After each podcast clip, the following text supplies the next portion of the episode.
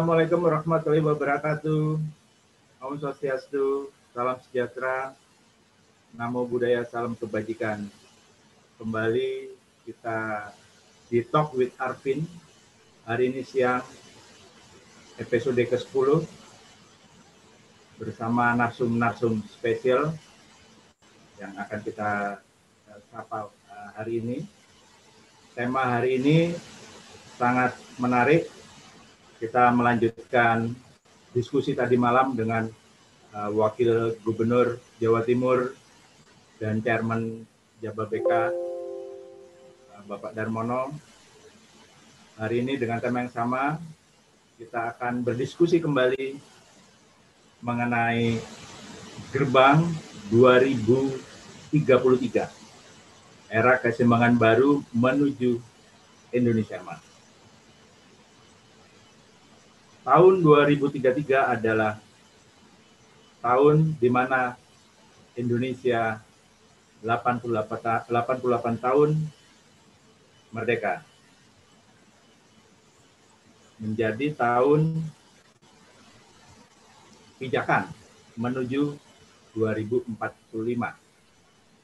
Nah, apa saja yang, yang harus kita persiapkan dan kira-kira apa saja yang akan terjadi selama 2033. Mari kita sapa pendapat para narsum hari ini.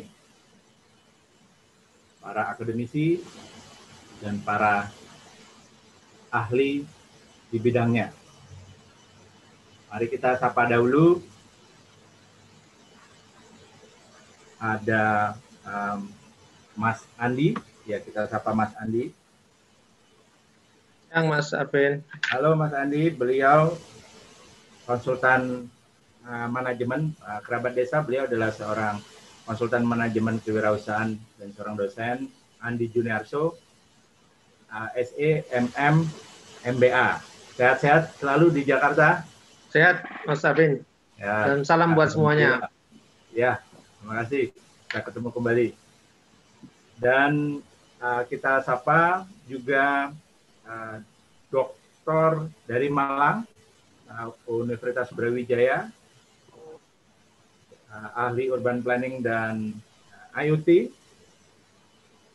uh, dari uh, Jepang, lulusan Jepang, uh, tapi sekarang menjadi uh, pengajar di Universitas Brawijaya. Kita sapa Dr.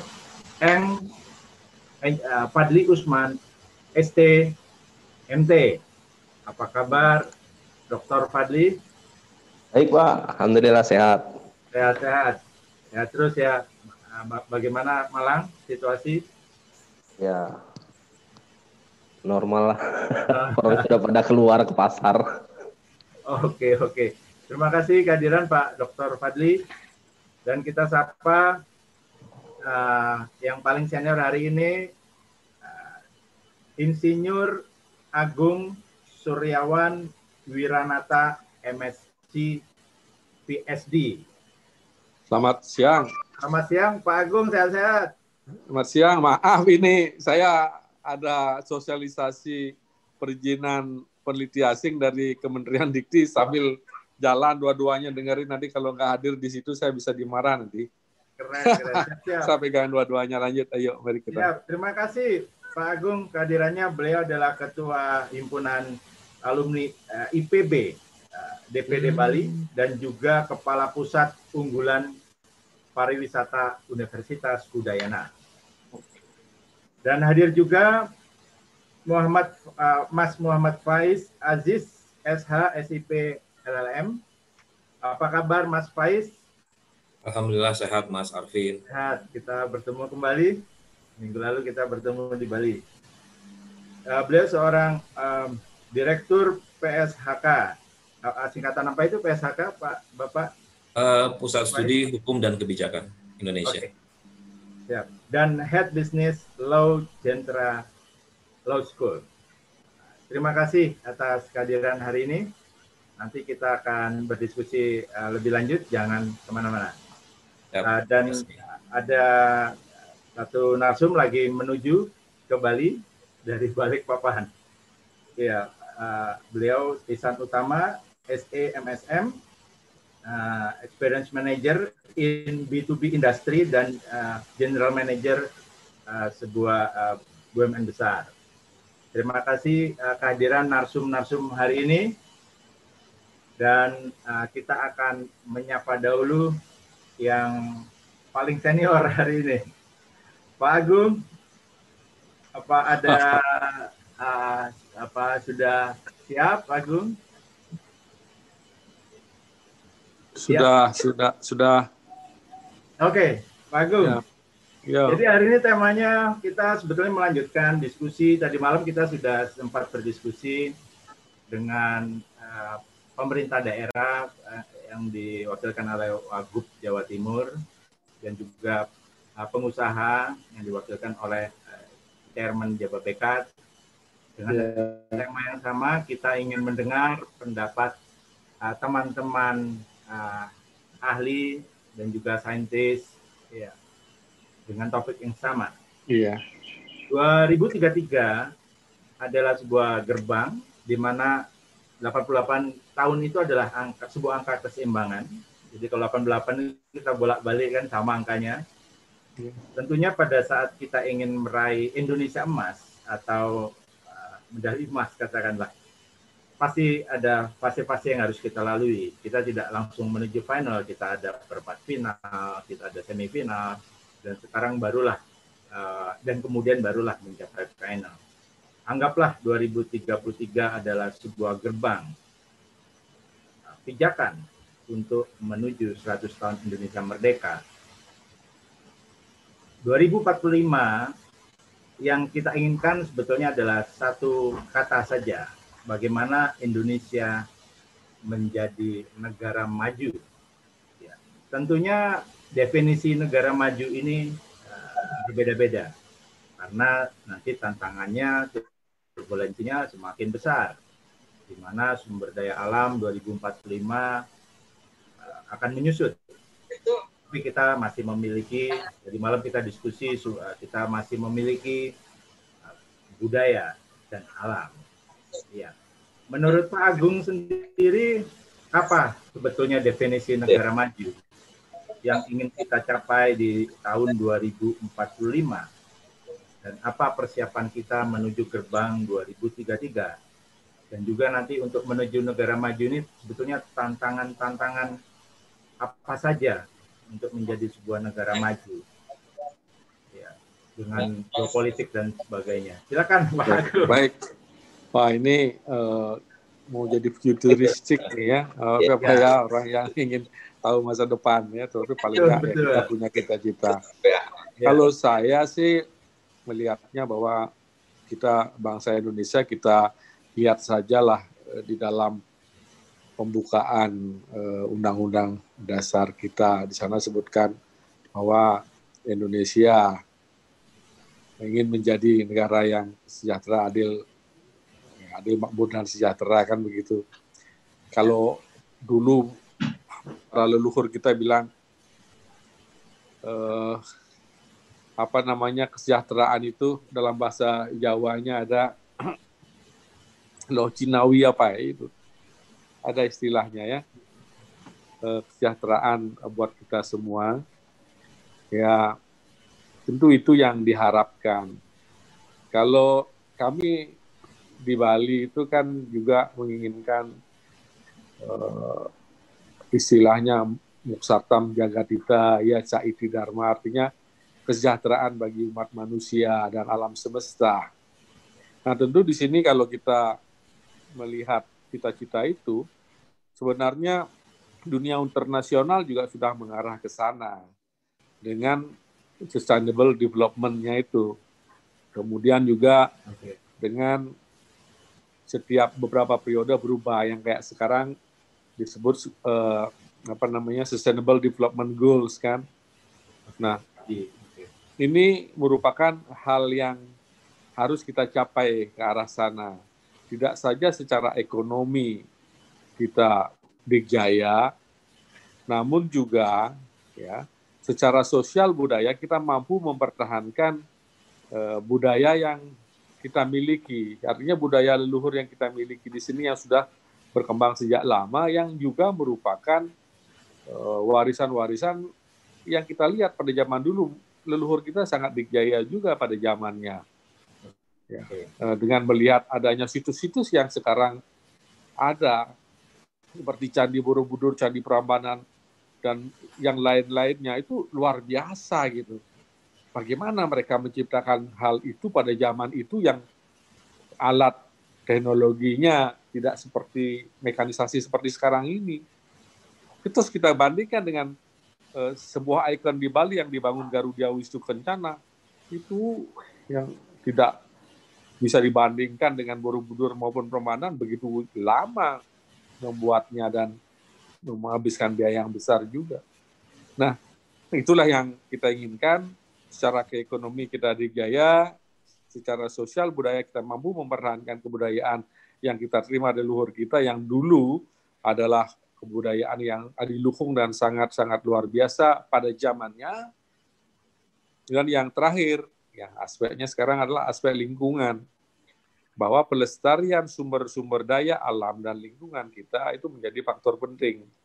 Karena kalau pada zaman era industrialisasi, terjadi eksploitasi tanpa mempertimbangkan aspek kelestarian lingkungan, maka muncul permasalahan-permasalahan kerusakan lingkungan di mana-mana dan juga hilangnya beberapa ya katakanlah eh, sumber daya alam kita yang tidak terbarukan gitu. Nah, dengan demikian ke depan ini kita harus bisa memilah dan memilih kalau kita mengembangkan industri, industri apa yang kita uh, harus pilih untuk bisa mendapatkan economic benefit yang tinggi okay. atau uh, added value-nya tinggi ya, tanpa merusak lingkungan dan tetap mempertahankan uh, sosial budaya kita.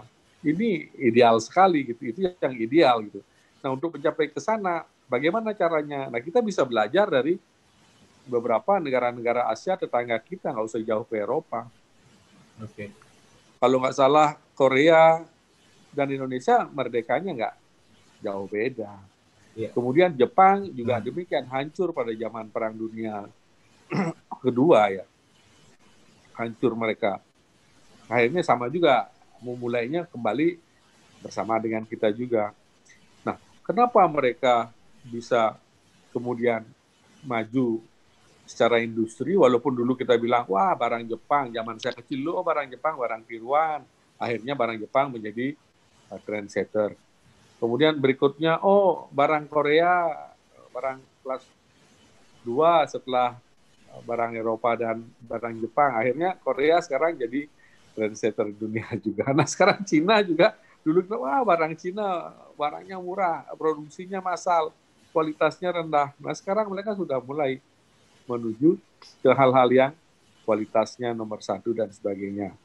Dan ketiga, negara tersebut, ya kalau kita bilang agak sedikit hampir sama etnisnya, dan budayanya mereka pertahankan, ekonominya maju, eh, kesejahteraannya bagus. Nah, kemudian alamnya juga bagus ya kalau di Jepang dan apalagi Jepang ketat sekali itu masalah lingkungan hidup di Korea juga mulai demikian.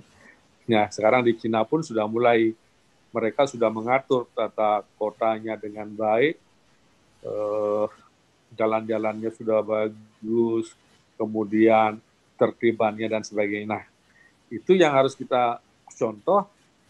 Ya, kita bolehlah kita sekarang copy paste, istilahnya ATM, amati, tiru dan modifikasi kan seperti itu. Ya. Nah itu yang harus kita uh, pelajari dan uh, terutama gangguannya sering terjadi orang kita di Indonesia terlalu demokratis ya mungkin negara paling demokratis di dunia gitu sehingga gangguan interfer, eh, apa interferensi dari kegiatan politik ini sangat besar pengaruhnya sehingga kadang-kadang mengganggu juga konsentrasi dari para pihak eh, atau pemerintah atau siapa saja yang berusaha untuk meningkatkan ya kemampuan kita dari segi ekonomi, kemudian menjaga lingkungan dan juga budaya. Kalau budaya kita sementara ini masih boleh dikatakan ya banyak mendapat pengakuan dari UNESCO. Nah, tetapi kalau kita tidak pelihara apa yang kita miliki ini mungkin dalam waktu 20 tahun ke depan juga bisa terdegradasi atau bahkan mungkin hilang ya. Nah, ini yang tidak kita inginkan. Kira-kira itu eh, harapan kita ke depannya ya jadi kita itu sebenarnya sudah punya cita-cita yang luhur sudah ditulis di dalam undang-undang kita kemudian di masing-masing daerah asal etnis kita sudah mempunyai local knowledge eh, yang luar biasa yang mengarahkan kita ke sana maupun dari segi agama pun sudah mengarahkan ke arah itu. Tinggal kita bagaimana sekarang kita mengimplementasikannya. Nah, kalau kita mulai boleh kita sistem ATM, amati, tiru dan modifikasi dari Jepang, dari Korea, dari Cina, ya, tetangga kita dari Asia lah. Nah, kira-kira itu yang bisa saya sampaikan sedikit. Mas Arvin, mudah-mudahan ada manfaatnya ya. Ya, terima kasih Pak Agung. Jadi untuk mencapai tadi apa Gemah Ripalo Jinawi ya, ya uh, bagaimana kita memiliki modal. Menuju Indonesia emas. Jadi tadi ada konsep ATM. Kira-kira yang paling uh, baik untuk Indonesia atau mendekati uh, ekosistem uh, Indonesia sendiri, apakah Korea, Jepang, atau China? Kira-kira. Kalau dari segi penduduk China, cuman sistemnya China kan komunis kan sistemnya keras. Artinya pemerintahnya bisa berbuat tegas. Kalau kita di Indonesia kan sistem demokrasi terbaik di dunia, jadi sangat demokratis gitu. Pemerintah uh, tidak berani berbuat apa-apa. Dalam artian kurang lah gitu ya.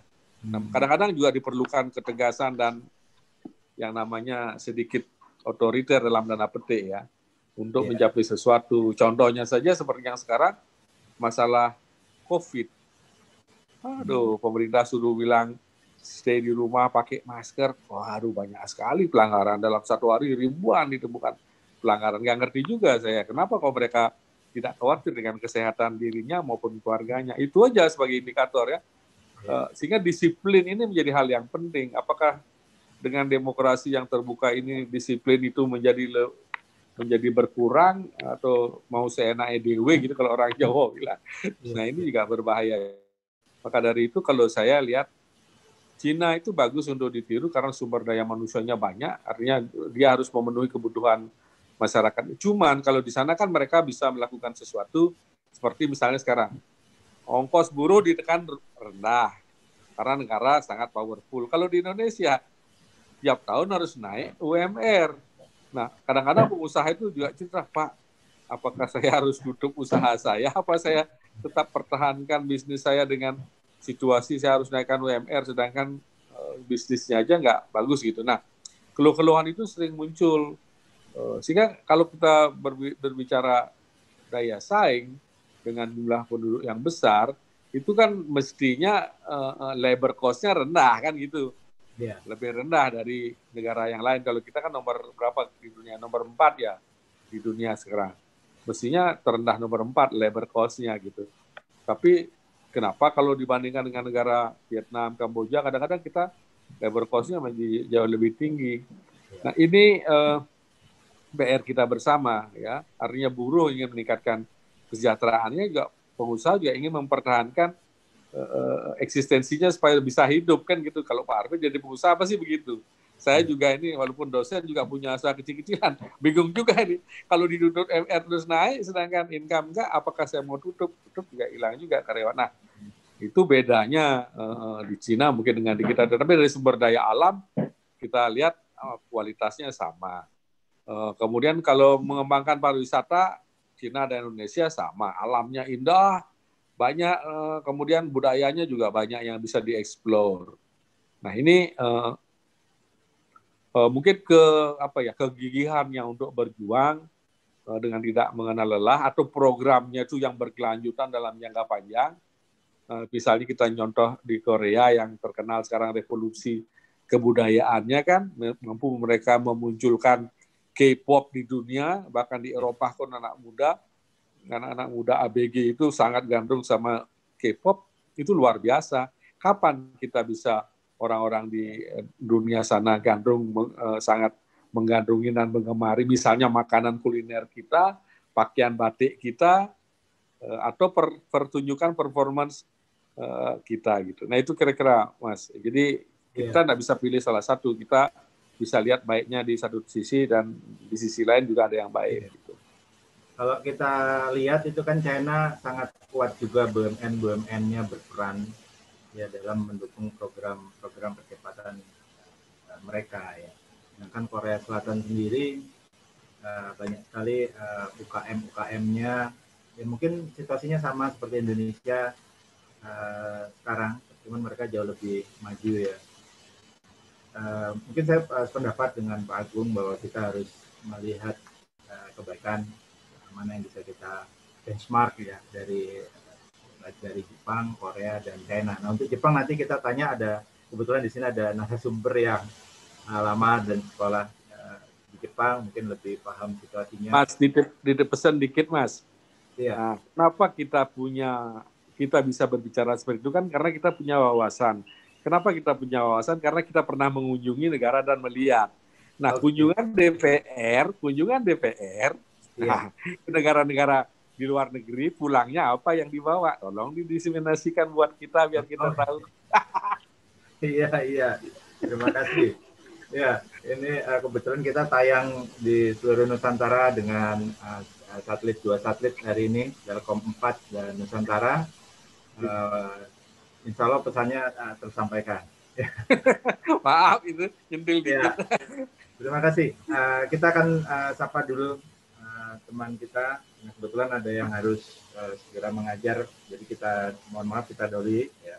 Mas Faiz Mas Faiz dari Direktur PSHK dan Head Business Law Gentra Law School. Uh, apa kabar Mas Faiz? Alhamdulillah sehat Mas Arvin ya. dan Bapak Ibu sekalian. Iya Mas Faiz ini pengalaman macam-macam terutama di uh, uh, di bisnis law ya. Nah ya. pada saat kita berbicara menuju uh, gerbang 2033 yang kita persiapkan saat ini supaya kita bisa take off nanti 2033 mencapai emas ya masa emasnya tentu uh, salah satu yang kita kejar adalah uh, investasi ya bagaimana bisa mendorong uh, potensi pertumbuhan ekonomi namun pertumbuhan ekonomi yang bisa bersaing di kompetisi global dan bermanfaat untuk rakyat jadi tidak hanya pertumbuhan ekonomi tinggi, tapi tidak bermanfaat ya, maksimal untuk rakyatnya. Nah, mengenai kembali lagi, kemudian mungkin ini masalah yang selalu dibahas sejak saya kecil sampai sekarang ya, mengenai uh, kemudahan investasi sendiri. Ya, pada saat kita uh, berbicara uh, investasi, ya terutama investasi asing, nah kemudian investasi sendiri sampai sekarang masih menjadi uh, kendala. Nah, bayangan Mas Pai sendiri bagaimana uh, itu semua bisa uh, tersolusikan karena itu itu adalah salah satu modal kita nanti di gerbang 2033. Karena Mas Faiz kan ahli dalam bidang hukum bisnis. Uh, mohon sharing pengalamannya ke pemirsa kerabat desa. Terima kasih Mas Faiz.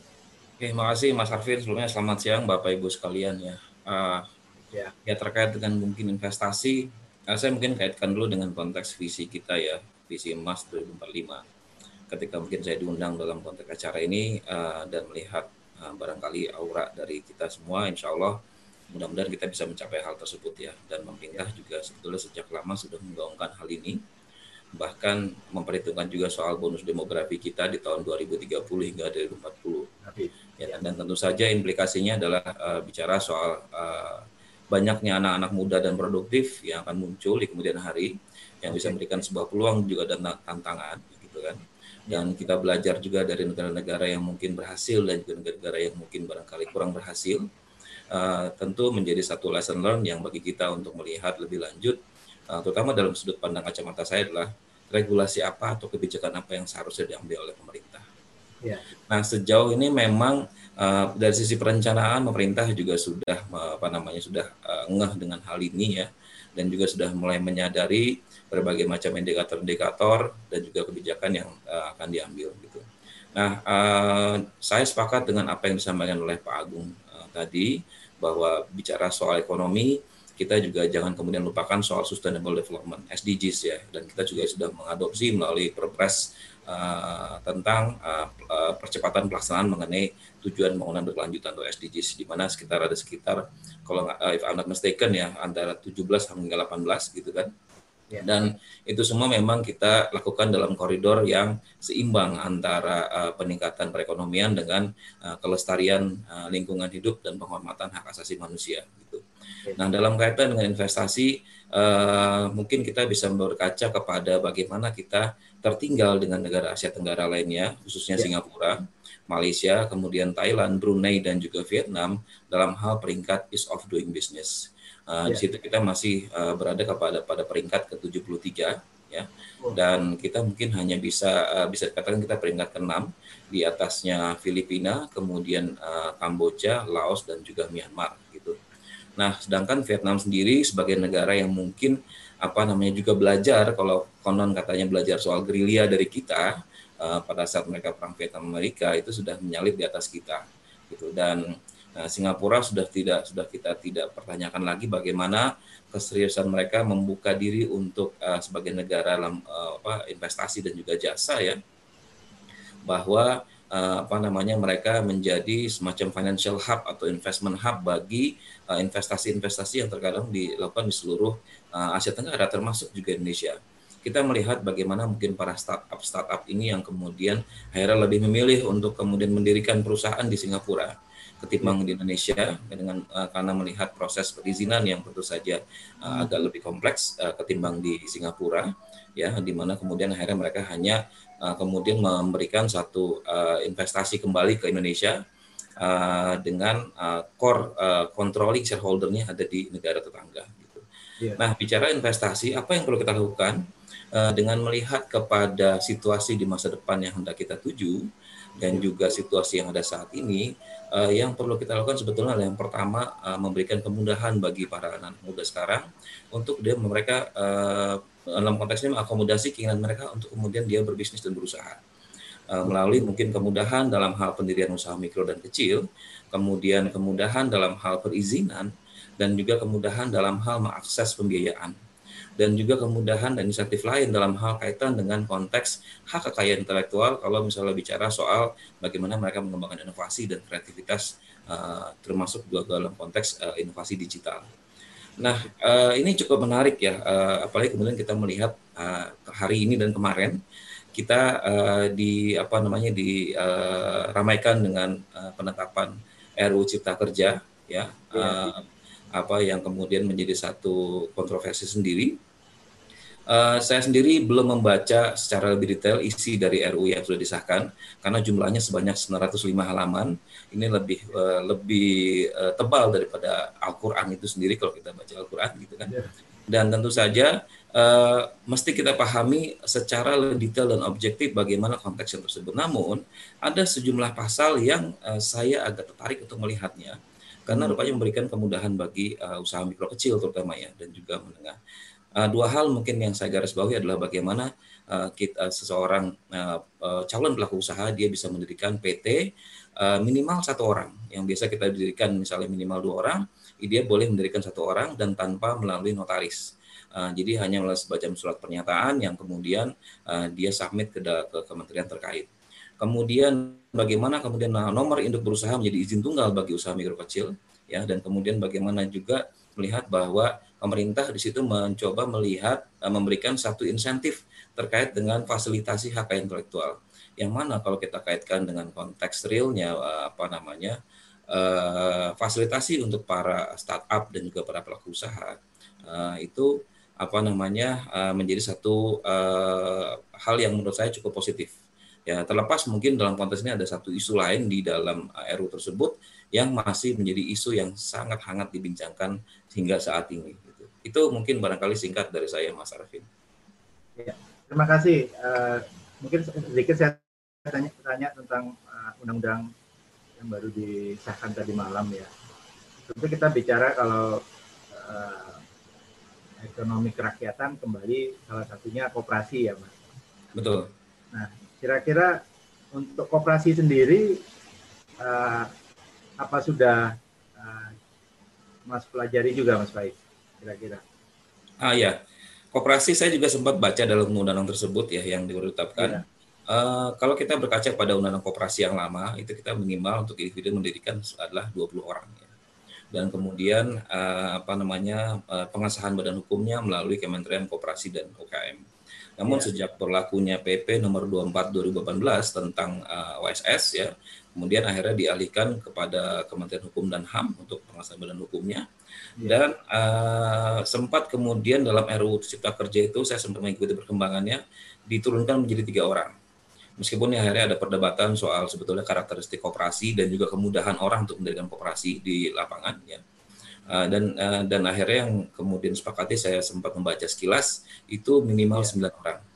Nah saya pikir ini angka yang sebetulnya saya juga nggak bisa uh, uh, ukur ya apakah ini angka yang objektif atau enggak.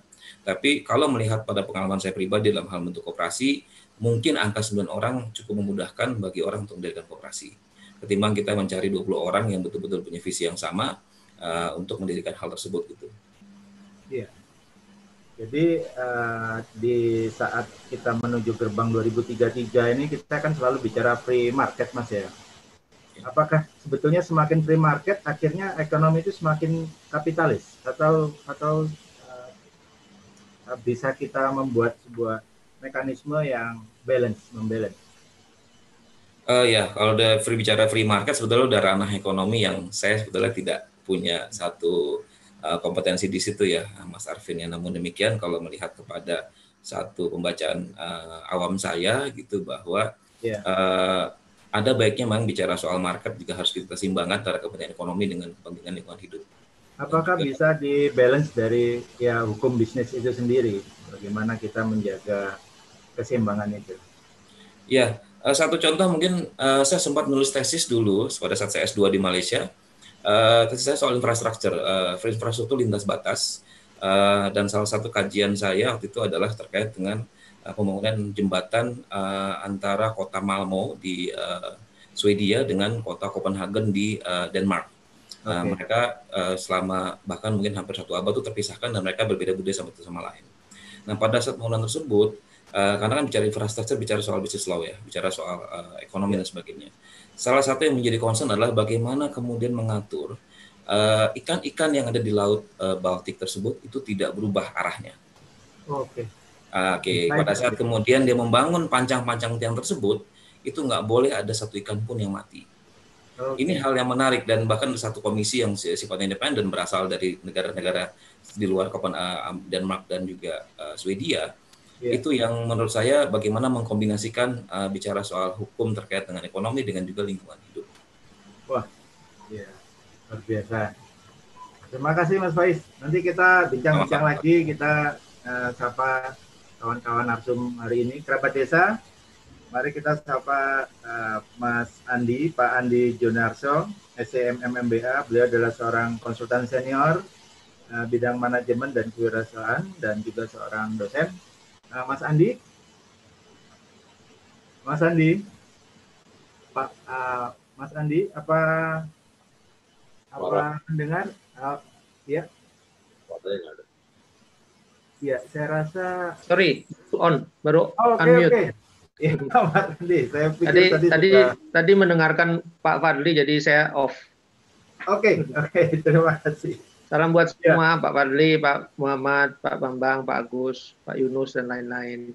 Ya, Mas Andi, jadi uh, pada saat kita bicara gerbang 2033, ya. di mana ini kita harapkan betul-betul menjadi sebuah gerbang take off ya menuju ya. Indonesia emas.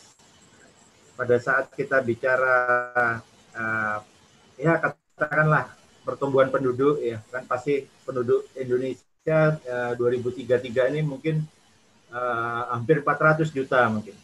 Iya. Hmm. Nah, kira-kira ya apakah selalu uh, uh, paralel antara pertumbuhan uh, penduduk dan pertumbuhan ekonomi? Dengan semakin besarnya penduduk otomatis uh, uh, pertumbuhan ekonomi semakin besar juga. Ya atau atau sebaliknya bagaimana kira-kira itu Mas Andi?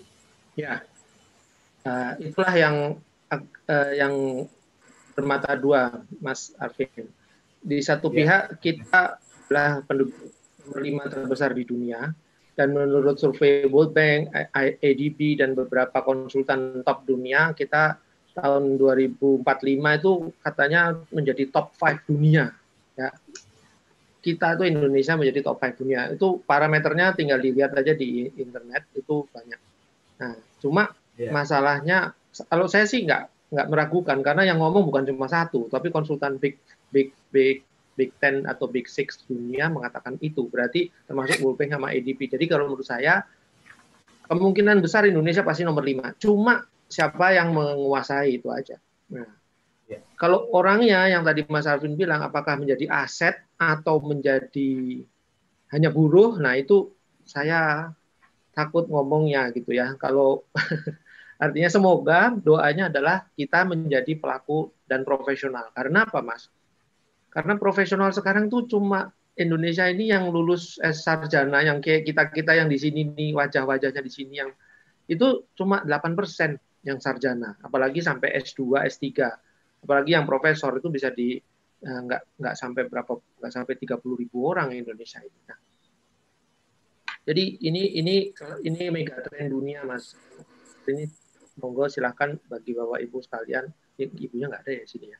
Bapak-bapak sekalian ini menurut eh, Bapenas. Jadi kita kelebihan orang, bah- eh, bukan sorry, kita banyak orang betul bisa jadi tenaga hebat asal pintar, tapi sayangnya kebanyakan kita yang sarjana pun cuma 8%, jadi bisa jadi mayoritas kita menjadi buruh. Nah itu jawabannya mas.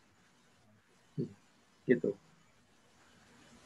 Nah, untuk melihat Bapenas Indonesia 10 banget ya mas makanya kita waktu itu discuss gimana nih kita bikin 2033 ya supaya bagus 88 itu kan angkanya kesinambungan ya mas ya Eh, Ya, ya. nah ini targetnya pilarnya Bapenas nih menurut Bapenas ya kita harus eh, eh, kuasai terus pembangunan ekonomi seperti tadi Pak Agus juga terus pemerataan pembangunan ya, eh, harus lebih Nah ini yang saya agak banyak banyak dari semua ini tapi tantangan semua targetnya luar biasa bagus ya. Cuma tantangannya berat. Itu mas tantangannya berat. Kenapa? Kita contoh ya. Eh, pembangunan manusia iptek percepatan pendidikan Indonesia secara merata. Indonesia itu satu. Yang sarjana itu 8 persen mas. Yang sarjana itu 8%, yang lainnya 52% itu SD, SMP. Bayangkan ini di dalam berapa tahun ini kita bisa ngejar nggak tuh yang yang SMA sampai universitasnya supaya mayoritas itu tantangan berat. Itu peningkatan peran kebudayaan dalam pembangunan. Nah, ya kita ini generasi muda tahu sendiri ya anak-anak kita seneng nggak nih masih nari atau ngerti nggak budayanya gitu ya. Nah, ini tantangan juga pembangunan. Ya, kalau ini infrastruktur pemerintah Indonesia memang cukup besar sih, memberikan instalasi eh, palapa ataupun ring palapa yang sudah menyatukan seluruh perbatasan terluar dan juga hampir kalau nggak salah kemarin sama Profesor Marsudi itu di Telkom mengatakan bahwa kita eh, sudah tercover hampir 80 persen ya, eh, 85 persen untuk internet ya. Kesehatan dan kualitas hidup. Untuk kesehatan kita pas baru kena pandemi, Indonesia urutan 20 dunia, nggak jelek-jelek amat. Yang maksudnya 20 yang yang paling atas tuh paling buruk ya, kayak Amerika dan eh, Brazil dan eh, itu yang kena dampak India juga. Nah, terus nah lihat ini yang sebelah sini eh, investasi Putus-putus Saing. suaranya Andi ya. sorry Agak didekatkan.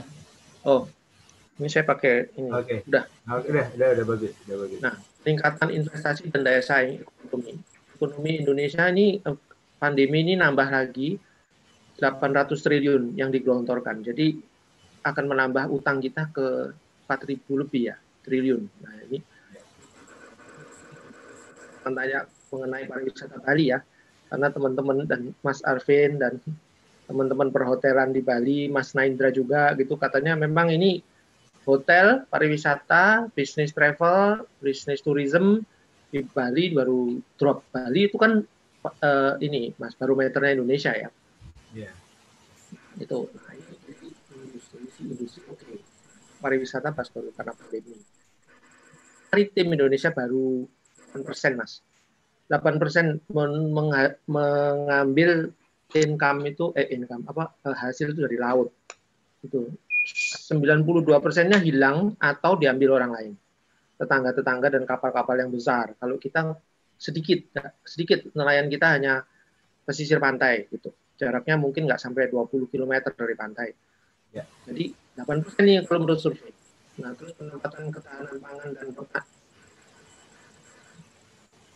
uh, ya nggak banyak juga petani petani kalau petaninya jumlahnya luar biasa uh, kita hampir sepertiganya petani tetapi petani dan nelayan tapi uh, hasilnya total eh, itu dari ekonominya itu hanya 10% totalnya karena 90% itu di corporate dan di big, big corporation. Jadi lagi petani-petani muda, anak-anaknya itu udah nggak pengen kerja di ladang lagi karena lihat bapak bapaknya uh, kayaknya kurang makmur gitu ya. Nah ini yang harus ditingkatkan gimana supaya anak-anak muda dibekali, dibantu, katanya ada program uh, Smart Village itu dibantu dengan teknologi supaya balik ke pertanian gitu.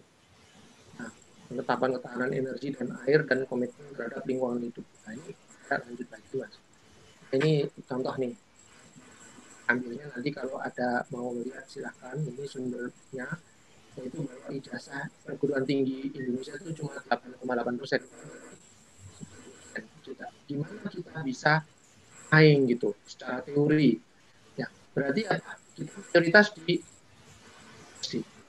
jadi apa ini nanti kira-kira uh, kalau kira okay. sampai dengan 2033 kalau ini bukan 43 persen perguruan tingginya SMP SMA kan hanya sebagai uh, paling staff yang level bawah atau blue collar ya buruh Padahal Indonesia ini pun dari tingginya Indonesia ya itu menurut ranking QS itu untuk university itu kita rankingnya paling tinggi itu 295 itu ITI UGM dia naik tahun ini tahun ini naik tahun lalu tahun 2019 itu UI 295 ITB eh, 2900 298 terus ITB 300 yang lain-lainnya di bawah itu sampai ke 500, ada yang ke 800 gitu. Uh, saya nggak sebut yang bawah-bawah ya, tapi yang paling tinggi itu tahun ini cuma UGM, UI, ITB. Itu pun di ranking 290-an di QS dunia. Bayangkan bagaimana caranya mau bersaing. Ini tantangan tantangan dari Pak Bapenas 2025 kita kan 2000 eh 2035 ini rata-rata lama sekolah aja 12 tahun mas ini targetnya nih itu berarti SMA loh.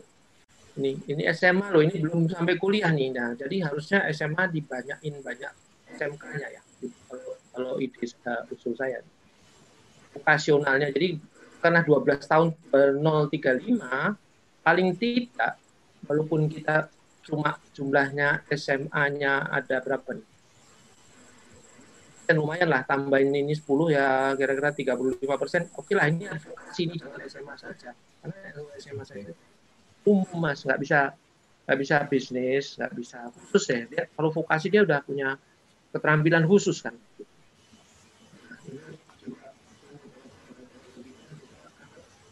Dan penerapan iptek anak-anak pakai belajarnya udah pakai handphone. Nah ini misalnya beberapa pelaku-pelaku selain Telkom selain XL selain uh, uh, satelit Indonesia juga ada yang swasta yang bersaing ya. Belum lagi kalau inter, nanti eh, nggak tahu nih digital TV masuk nih. Ini bisa dari seluruh dunia masuk ke Indonesia bersaing, menguasai pasar juga. Karena signalnya bisa lewat satelit yang lebih luas gitu. Itu belum masuk nih kelihatannya. Ini nanti 2000 internet di industrial 5.0. Nah, ini bahaya juga sih ancaman. Ancaman juga, tantangan juga. Di luar negeri sudah siap ya yang negara maju ya, negara maju termasuk kalau di Asia ya Singapura yang paling maju, habis itu Vietnam mengejar, Malaysia itu ya, Taiwan. Gitu. Nah, kalau Indonesia masih mengejar. Jadi internet sudah ada, uh, tapi speed masih paling kita termasuk di ASEAN paling uh, lambat juga. Uh, kita juga ngikutin uh, ada lokal tapi masih kalah saing dengan asing tentunya, tapi harganya kita lebih murah memang. Terus juga ada lokal, uh, tapi kebanyakan masih import.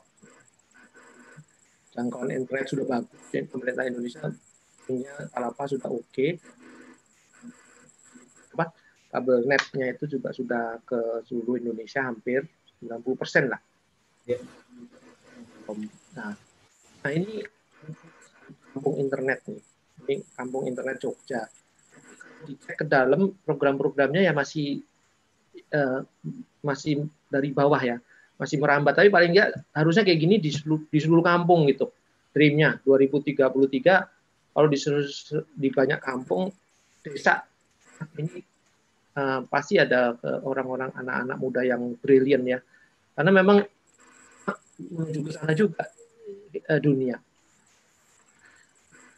Masih seperti ini belajar masih uh, uh, uh, masyarakat.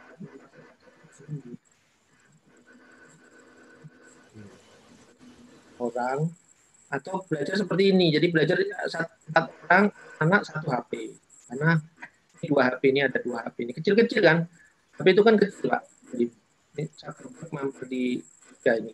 Lihat kampung kampung internet ini eh, ya kayak apa ini kampung kampung software kita? Nah, ini ini contoh. Ini edukasi saat ini. Kita ke depannya seperti apa? Nih itu tantangan. Ini kita kalau menurut kata Ki Hajar harus olah hati. Hatinya olah pikir, olah karsa, olahraga Indonesia ranking berapa nih sekarang di ASEAN? Nah, jadi perasaan kebrutalan, ya, religi, agama, ada isu-isu fundamentalis, ya. khilafah, terus nasionalisme kita ini kuat nggak masih senang merah putih, persatuan NKRI, eh, terus kemandirian kita pandemi ya PLT-nya eh, aja harus dibantu ya berapa ya. juta orang harus dibantu jadi kata-kata mandiri ini produksi yang banyak pertanian aja import kita import garam kenapa kok import garam padahal panjang pantai Indonesia itu kan dari Eropa eh, Barat ke Eropa Timur yeah. panjangnya. Tapi kok import garam? Karena ternyata pertama petani garam itu tradisional pasang surut. Kalau dia pasang airnya mengisi surut kena matahari jadi garam terus didorong garamnya agak kotor karena dia di atas di atas ke pasir. Terus nggak punya nggak punya teknologi yodium nggak punya processing hmm. kalah. Jadi import jadi nggak nggak bisa dipakai garam industri. Jadi import garamnya. Kedelai juga, jagung juga, bawang juga, semuanya itu karena nggak ada yang investasi, tidak ada bibit unggul. Masa eh, kedelai kita impor dari Amerika? Karena apa? Karena Indonesia importnya kedelainya masih kecil, mayoritas ya, kecil dan keras. Kalau dipakai tempe, tahu keras gitu. Nah ini bumi Indonesia ini harus kepikir juga nih kalau mau kita 2033-nya survive. Tong royong ya kooperasi itu persen sih dari ekonomi Indonesia. Jadi ini soko buruh yang di Undang-Undang Pancasila ya, itu kita kan korporasi sekarang korporasi masih masih ya Pak Teten Mas dulu mendengar dulu waktu zamannya Pak Subianto Sakrawardaya ada program kemitraan. Di BUMN seluruh Indonesia diharuskan bekerja sama dengan UKM untuk membangun. Bahkan dulu almarhum Pak Pak Arto pernah minta kalau bisa 6% sahamnya dikasih, tapi belum sempat terjadi sudah keburu lengser ya. Nah, integritas. Nah, terus saya mau komen karena bukan orang hukum. Demikian terus ini human capital kita seperti apa? Kira-kira garis besar tantangannya. Mas Andi. Jadi uh, kalau saya simpulkan uh, mencapai gerbang 2033 pertumbuhan penduduk dan pertumbuhan ekonomi ada challenge tidak sebanding.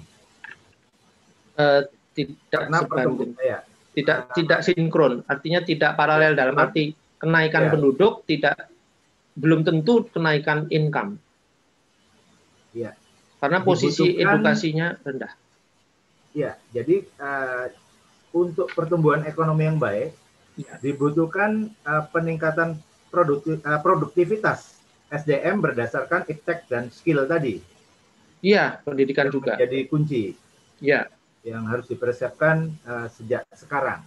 Jadi betul. kita betul nanti um, uh, mendapatkan emasnya. 2004. Betul sekali. Gitu. Ya, nah. artinya kita harus berbenah di sistem pendidikan otomatis. Betul. Nah, saya mau share sedikit Mas Arvin, uh, satu menit, ya. dua menit. Apakah kita bisa? Bisa jawabannya. Loh, asal ngomong. Enggak juga. Waktu saya bantu Profesor Yohanes Surya, itu di Surya Institute itu anak-anak yang pinter. Diambil, dididik, di coach, digembleng untuk bisa kompet ikut kompetisi sains. Dan itu di dunia kita menang juara dunia itu waduh waktu zaman saya di sana sebagai salah satu direkturnya di sana itu itu kita berhasil gondol emas perak dan perunggu. Bisa bisa. Tetapi pakai tetapi ini begitu mereka kembali ke Indonesia setelah dapat emas perunggu perak perunggu siapa? Kerja di mana? Yang gajinya gede? Swasta. Diambil swasta. Terus ya udah. Apalagi apalagi kita nggak pernah menang apalagi pendidikannya yang tadi yang saya bilang kita ini masih di bawah 10% untuk universitas. Gimana mau fight in? Yang karena yang jago-jagonya itu sedikit Mas, 10%. Hmm. Kita majority itu masih SMP. 50 ya 50% lah. Ya, semoga uh, pembenahan sistem pendidikan yang kita lakukan betul-betul bisa menjadi uh, pilar utama uh, peradaban bangsa. Amin. Kita Semoga bisa mencapai 2045, tapi kita pikirkan dahulu gerbang 2033-nya. Iya. Mas Andi. Kita cek, sapa cek dulu. pertama. Ya, terima kasih. Nanti kita terima kasih. lagi. Kita sapa dulu uh, Dr. Eng Fadli Usman, STMT dari Universitas Brawijaya, uh, Smart City Planning, ahli dalam Smart City Planning dan juga uh, Internet of Things. Nah, ini menarik uh, soal Internet of Things. Uh, Dr. Fadli? Siap. Ah, oke, okay, Dr. Fadli. Nah, mengenai Internet of Things, ya, saya tanya Internet of Things dahulu. Uh, pada saat kita menuju gerbang 2033, ya sebetulnya IT teknologi ini apakah uh, semua semua tahu bahwa itu pasti manfaat, tapi apakah juga menjadi sebuah ancaman sebetulnya? Oke, okay. sebenarnya sebelum kita ketemu 2033, Ya. Kita ketemu dulu 2021. Ya, setelah pandemi atau masih ya. pandemi? Ya, kita berharap 2021 uh, pandemi ini sudah berlalu. Tapi kalau ngelihat timeline pengujian vaksin itu ya, ya. itu kan butuh waktu satu tahun. Berarti kalau baru diketemukan bulan September kemarin, ya September lagi baru selesai. Oke, kita kembali lagi tentang Internet of Things. Saya kebetulan membantu Kabupaten Malang untuk otomatisasi pelaporan uh, sistem keuangan desa. Okay. Waktu kita cek, ternyata di desa itu sistem keuangan desanya itu manual. Maksudnya begini, mereka kan dapat dana satu miliar lebih, satu miliar sekian itu, mereka buat dalam bentuk Excel, Excelnya dikirim ke uh, badan uh, dinas pengembangan desa, masyarakat desa. Yeah. Itu manual. Mereka ngirimnya Excel lalu si dinas mengupload itu ke dalam sistem. Saya bilang, saya bilang, kenapa kerja dua kali? Kamu mestinya bisa membuat itu otomatis sekalinya diisi oleh orang desa, uh, teman-teman di desa, lalu langsung masuk ke dalam sistem. Oke, mereka setuju. Tapi dia bilang nggak bisa langsung dipublish, Pak ya. Lo kenapa? Takut salah ngisi, Pak. Loh kalau sudah diotomatisasi, standarnya sudah sesuai dengan standar pemerintah, kan tidak ada kemungkinan kesalahan isi itu minimal. Misalnya ya, dari 100% budget yang mereka terima itu ada ketentuan misalnya 30% saja hanya boleh untuk honor, terus 30% lagi untuk apa, terus untuk pembelian sekian persen. Lah kalau masuk sistem mereka nggak mungkin lebih. Misalnya tadinya 30% untuk honor, tahu-tahu mereka entry-entry sendiri 95% buat honor. sisanya buat buat paving aman atau apa. Ya jadi kan tidak proporsi. Tapi kalau saya bilang kalau sudah masuk sistem harapan kita tidak ada kesalahan entry tidak ada kesalahan secara administratif. Konyolnya sistem ke keuangan desa itu dari 378 desa seluruh Malang seluruh kabupaten Malang hanya 10 eh enggak ding 11 yang sudah entry yang 360 8 ke mana? Eh, 67 ke mana? Mereka takut entry, takut nanti dikejar-kejar KPK katanya. Jadi ada ada ada sebuah temuan juga mereka kenapa sih nggak ngisi mereka kenapa sih tidak melaporkan kegiatannya oke ini di tingkat desa ini penggunaan internet bagi masyarakat desa dalam hal ini perangkat desa terus bagaimana jaringannya nah ini juga kita temui dari 378 desa itu yang sudah berinternet itu tidak lebih daripada 12 persen. Dan nggak usah jauh-jauh di kota saja di kota Malang yang sudah berinternet itu tidak lebih daripada 20 persen. Ya. Kita mau menuju 33 di mana kita semua bisa terkontrol dan lain sebagainya dengan baik informasi tentang person to person itu bisa kita rangkum sedemikian rupa untuk kesejahteraan rakyat. Tapi sepertinya kita memang butuh kerja keras. Karena memang secara sistem, eh, secara infrastruktur lah, kalau Pak Yai Ma'ruf Amin bilangnya infrastruktur langit, itu memang ada seperti khayal tapi memang kita harus ngejar. Kalau tidak dikejar nanti kita ketinggalan terus. Kemudian selain infrastruktur langit itu memang masih jauh banget dari cita-cita yang kita harapkan, di tingkat masyarakat juga pengguna itu masih sangat minim. Oke, saya buat aplikasi. Tahun lalu, eh, dua tahun lalu sih, saya membantu yeah. MUI, pin, eh, Pinbas, eh, inkubator bisnisnya MUI, itu mereka punya program membantu peternak untuk menjual hasil ternak mereka untuk kurban. Oke, saya buatkan aplikasi ya. Oke, nggak usah bayar saya bilang. Pokoknya buat masyarakat, buat MUI, saya buatkan gratis. Padahal MUI, MUI duitnya banyak. Kemudian yeah. saya luncurkan aplikasi itu jebret. Yang download cuma 11, ya Allah. Oke, yang download cuma 11. Saya bilang, jangan saya juga kali yang marketing lu kamu lah yang marketing masa semua saya yang buat saya yang yang entry data saya terus yang marketing kamu lah yang yang marketing saya bilang ke MUI ternyata di antara mereka sekalipun mereka nggak ngerti caranya gimana caranya. Oh oke, okay. sampai sana pun saya paham. Ini saya tidak bisa memaksakan secara serta merta kalau memang kelas mereka masih kelas Shopee dan Tokopedia. Sehingga saya harus ber, meng, menggiring logika berpikir mereka itu seperti mereka menggunakan Shopee atau Tokopedia.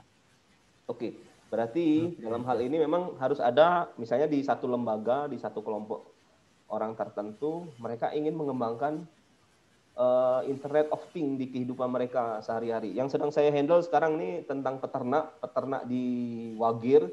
Mereka punya kelompok tan kelompok tani dan kelompok ternak yang jumlah anggotanya lebih dari 3000. Saya bilang Saya bilang oke okay, saya bantu. Apa masalahmu saya bilang. Ternyata mereka tuh punya beberapa masalah klasik misalnya mereka tidak mampu menjual hasil ternak, mereka kesulitan mendapatkan pakan ternak dan lain sebagainya. Yang paling menggelitik itu adalah uh, mereka tidak bisa pakai internet. Oke, okay. saya bilang yang kamu ngerti tentang internet apa? Saya bilang WhatsApp pak. Oke, okay. sudah itu, itu batasanmu, itu sudah maksimalmu WhatsApp. Sehingga semua platform saya arahkan, kalaupun apa pun yang mereka aktivitas mereka itu pendekatannya memang hanya lewat WhatsApp. Jadi dengan WhatsApp mereka bisa berkomunikasi satu dengan yang lain dan sebagainya. Dan akhirnya ada beberapa teknologi yang saya sematkan di peternakan. Misalnya ada investor mau masuk ke sana, lalu mereka ragu ini beneran sih peternaknya kerja apa enggak? Saya tempel CCTV, jadi si investor akan punya informasi setiap hari tentang ternak yang dia titipkan di kelompok tani, eh, kelompok ternak. Lalu saya sisipkan lagi GPS tracker. Jadi kalau ternaknya ada yang nyuri, ketahuan posisinya di mana. Karena kalau sekedar ayam, bebek sih nggak masalah, murah ya. Tapi kalau sekalinya sapi harganya 20 juta atau limosin yang harganya bisa 100 juta, nah ini kan jadi masalah kalau hilang. taruhnya di mana itu trackernya itu? Di telinga. Oh di telinga, iya. Jadi iya, anting. Sebagai anting. Jadi anting, ya. Sehingga ini mereka bisa mengkontrol. Lalu di anting itu ada barcode-nya yang uh, uh, QR code yang kalau kita scan si operator bisa ngentri data. Misalnya di, di peternakan itu berat berat ternak tiap hari itu naik sekitar 5 kilo setiap hari. Okay. Ini kalau kita pengen ngelangsingin badan di sana ternak digendutin. tiap hari 5 kilo. Dan itu bisa terkontrol. Kita entry terus datanya sehingga si investor akan punya apa imajinasi hari keberapa atau bulan keberapa si ternak layak dijual dengan harga tertentu. Nah, sehingga kami pengen membantu peternak ini dengan ke dengan internet, dengan kemampuan uh, menggunakan internet of thing ini mulai A sampai Z. Dari A-nya itu bahkan dari pakan ternak, Z-nya sampai menjual bahkan produk limbahnya, kotoran sapi, kulitnya, atau kakinya, tanduknya dan lain sebagainya. Itu bagaimana punya market tersendiri. Karena itu pasti ada yang mau beli, ada yang bisa, ada yang tertarik untuk beli. Kita aja yang mungkin nggak tahu siapa sih yang mau beli. Nah, kalau dimanfaatkan internet marketing, pasti ketemu orang yang bisa beli, yang mau beli, punya ketertarikan dengan produk itu. Jadi maksud saya, saya pengen mengajak teman-teman di uh, akademisi untuk ikut terlibat aktif supaya teman-teman masyarakat secara luas, apakah itu petani, peternak, pedagang segala macam, itu kita upskill lah kemampuan mereka sehingga kalau petani dan peternak ini sejahtera, mestinya negara ini makmur, mestinya negara ini makmur. Jadi salah satu agenda yang akhirnya saya kerjakan di Wagir itu, mereka ternyata nggak punya koperasi. Saya bilang, kamu nggak punya koperasi, kamu akan terbentur masalah modal, kamu akan dihajar sama tengkulak, saya bilang, middleman. Jawabannya, iya betul Pak, 90% anggota kami itu pasti jualnya ke tengkulak. Nah ya, kita buat koperasi. Koperasi fungsinya apa? Menghandle masalah pemodalan, menghandle masalah pakan ternak, menghandle masalah obat, diseminasi buatan, segala macam kegiatan itu dihandle oleh mereka. Dan mudah-mudahan ini bisa menjadi prototipe untuk kebangkitan peternakan di seluruh Indonesia. Gitu. Sangat menarik. Hari ini uh, acara kita akan tayang seluruh Nusantara, disaksikan uh, seluruh kerabat desa uh, Senusantara oleh uh, dua satelit kita uplink. Semoga seluruh uh, petani-petani mendengar uh, Dr. Fadli dan mengajak Dr. Fadli untuk mensupport ya, mensupport um, mereka. Saya sepakat bahwa salah satu kendala di bidang pertanian adalah uh, supply chain. Jadi dibutuhkan sebuah aplikasi uh, teknologi yang bisa diaplikasikan, teknologi IT yang bisa diaplikasikan ke uh, grassroots pertanian tersebut luar biasa uh, eh, Dr. Fadli sebagai uh, percontohan bahwa sebetulnya kita bisa. Uh, jadi bagaimana IT teknologi ini akhirnya betul-betul memberikan uh, manfaat ya. Jadi bukan hanya menjadi ancaman persaingan dan sebagainya. Nah, kembali ke IT ya, saya melihat tadi kita bicara tadi sempat uh, Dr. Fadli sampaikan gigs ekonomi ya soal gigs ekonomi tadi ada e-commerce e-commerce yang disebutkan sebetulnya uh, memang kita banggakan, tapi uh, saya lihat kita sebetulnya masih menjadi tuan rumah uh, di negeri sendiri bukan? Uh, kita tidak bicara seperti misalnya gigs ekonomi Amerika bahwa mereka menguasai dunia dengan platform-platformnya e-commerce-nya. Eh, begitupun China dengan Alibaba-nya menguasai dunia, jadi mereka banggakan. Nah, sedangkan saya lihat di Indonesia sendiri, uh, uh, kita masih uh, menjadi tuan rumah di negeri sendiri, terutama untuk pasar-pasar yang konsumtif. Ya, kalau Dokter Fadli sendiri kan bagus bagaimana memotong supply chain di pertanian, akhirnya petani menjadi sejahtera. Nah, bagaimana tanggapan uh, Dokter Fadli masa depan gigs ekonomi Indonesia di tahun 2033 sebagai gerbang. Bagaimana kita tidak hanya menjadi tuan rumah di negeri sendiri, tapi kita juga bisa mendunia, kita banggakan. Kira-kira bagaimana, Dokter Fadli? Oke, yang saya pahami dari sekian banyak masyarakat desa yang kalau saya temui, misalnya yeah. satu desa ya satu desa, itu pasti ada saja pemuda pemuda-pemuda desa yang brilian, punya kapasitas yang di atas rata-rata, terus yeah. punya sifat dia apa ya mampu bekerja sama dan lain sebagainya. Ini aset ya, mestinya aset asetnya desa.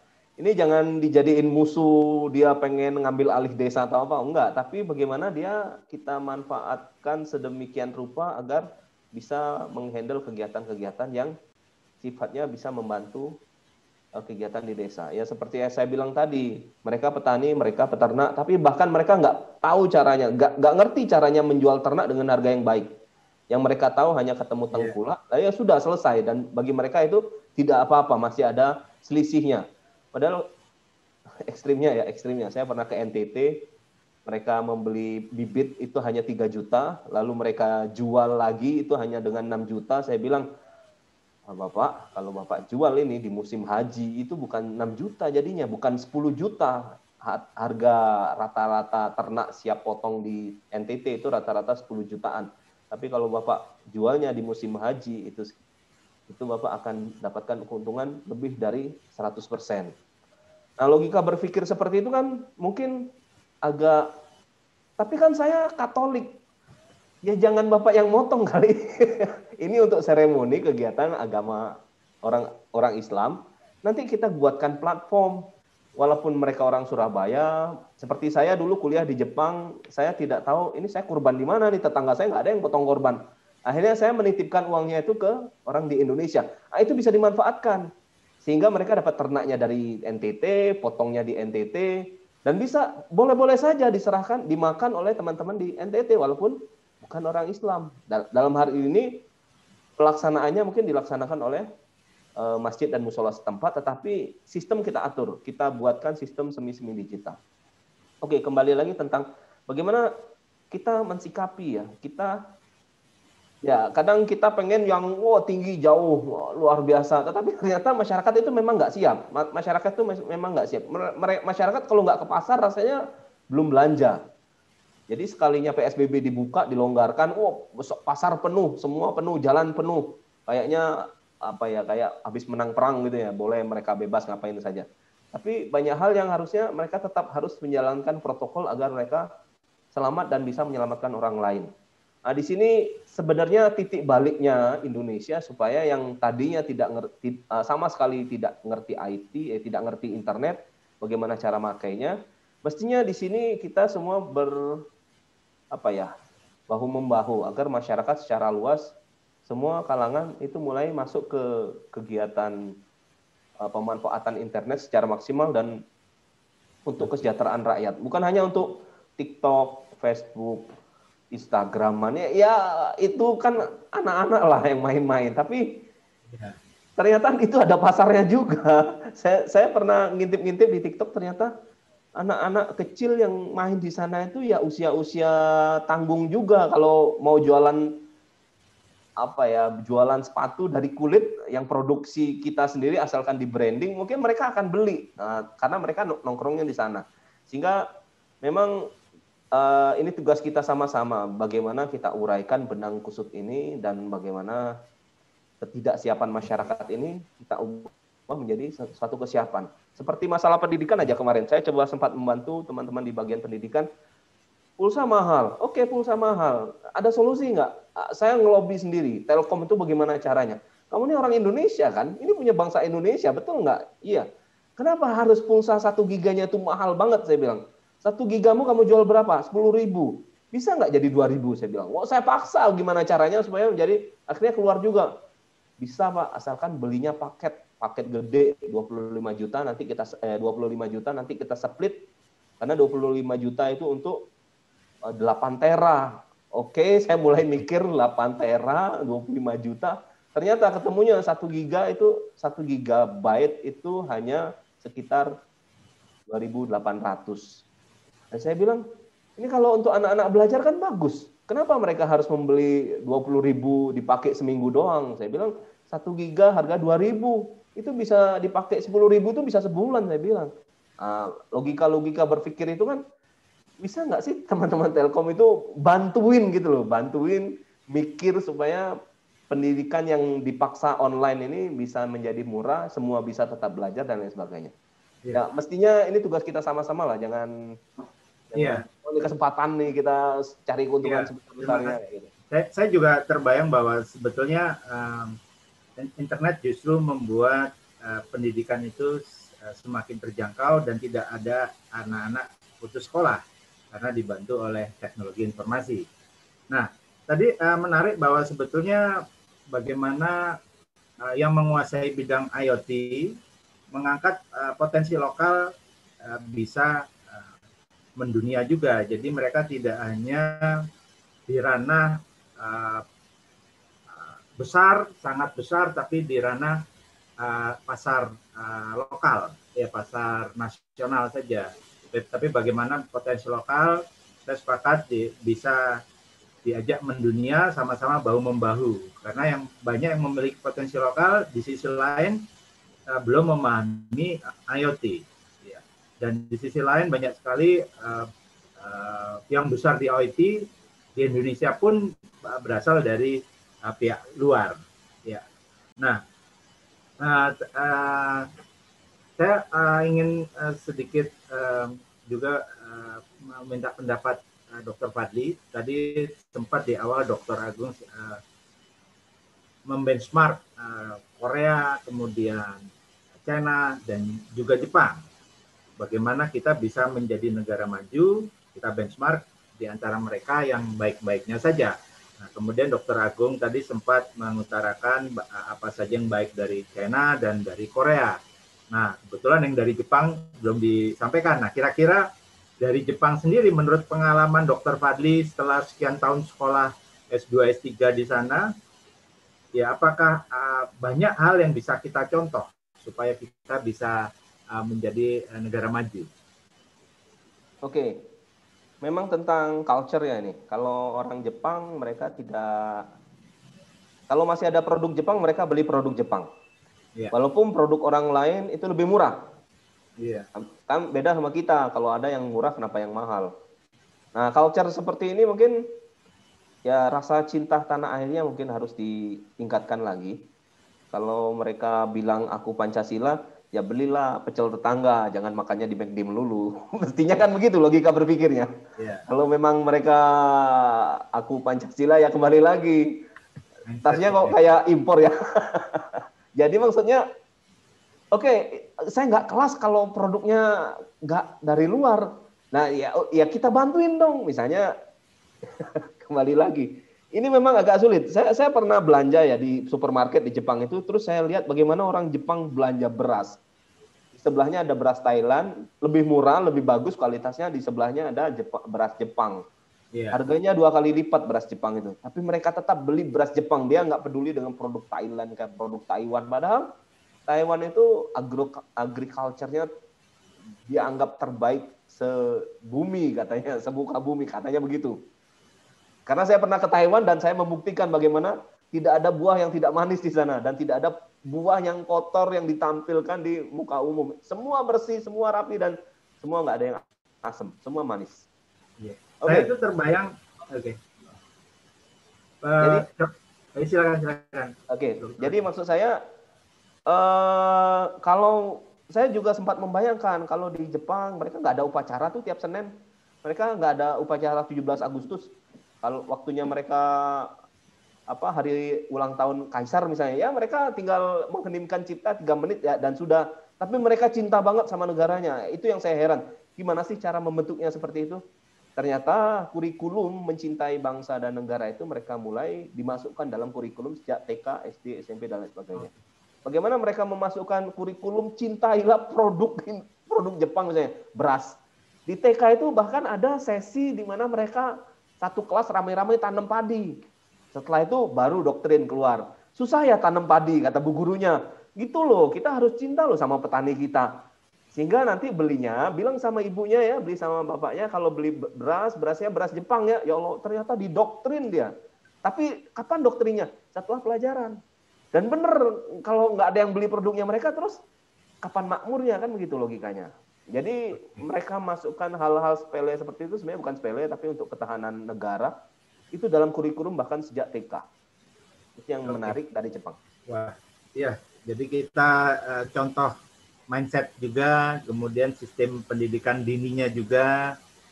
Ya, saya terbayang eh, contohnya seperti Alibaba e-commerce ya, besar dari China itu kan sebetulnya 90% adalah isinya awalnya kan adalah UKM UKM di China. Kemudian Alibaba akhirnya merambah seluruh dunia bersama UKM-nya. Jadi tidak jago kandang saja, betul-betul dibanggakan menjadi uh, istilahnya uh, e-commerce ya ekspansi seluruh dunia. Nah, saya terbayang bagaimana supaya e-commerce lokal ini seperti itu. Jadi tidak hanya uh, jago kandang, uh, oke okay, uh, besar, tapi uh, jago kandang, pasarnya lokal saja. Apakah mungkin sebetulnya mereka seperti Alibaba membawa uh, UKM lokal mendunia seperti yang dilakukan Ah, China itu bagaimana dengan Alibabanya akhirnya UKM UKM China ah, mendunia bersama Alibaba bagaimana eh, tanggapannya Dr. Wardi? Oke, UKM Cina dan UKM Indonesia itu punya karakter yang sedikit berbeda. Kalau okay. Cina mereka bisa buat apa saja, bahkan telur palsu, makanan palsu mereka bisa buat. Tapi UKM Indonesia identik dengan produk makanan. UKM di Indonesia uh, identik dengan produk middle low. Uh, karena diasumsikan seperti ini, maka sebenarnya perlu kerjasama semua pihak. Ini saya sedang coba membantu kabupaten. Kok hilang suaranya? Halo? Ya, terdengar, di sini terdengar. Saya coba membantu Kabupaten Pamekasan, di mana Pamekasan itu Madura punya karakter sendiri, culture-nya berbeda, Lalu saya pengen memblow up kapasitas mereka seperti apa? Saya tanya sama Pak, Pak Bupatinya, Pak Bupati ini hebatnya Madura itu sudah mana? Pamekasan lah. Oh kita menjadi pen, pe, apa ya punya produk batik yang variannya terbanyak di dunia. Wah saya bilang oh, tahu dari mana kok terbanyak? Ini sudah dikunjungi oleh teman-teman dari seluruh dunia dan kita diakui sebagai varian produknya terbanyak di dunia. Oke, saya bilang itu kita jadikan branding, Pak. Kita jadikan itu sebagai aktivitas di seluruh kabupaten. Nah, sekarang tentang produk. Kenapa harus beli produk dari Jakarta? Kenapa harus beli produk dari Surabaya? Padahal di tempat sendiri itu kita punya produknya. Uh, maksud saya, kalau kita punya produknya, biar kita muter-muter di sekitar-sekitar saja supaya meminimalkan biaya transport. Tapi kalau hmm. memang ada produk-produk yang laku di luar, kita, kita bisa jual. Tapi ada produk-produk makanan, kami minuman yang tidak harus beli dari luar, kenapa harus beli dari luar? Jadi akhirnya saya contohkan Brawijaya, Pak. Brawijaya itu punya kebun, punya punya sawah, eh punya sawah, punya hutan. Tiap minggu itu pasti panen. Yang di broadcast bukan lewat internet marketing, enggak, di broadcast lewat WhatsApp, grup dosen. Eh nanti ada salak, jeruk, eh, nanas sama pisang. Datang ya ke koperasi. Itu broadcastnya jam 8, jam 10 sudah habis barangnya.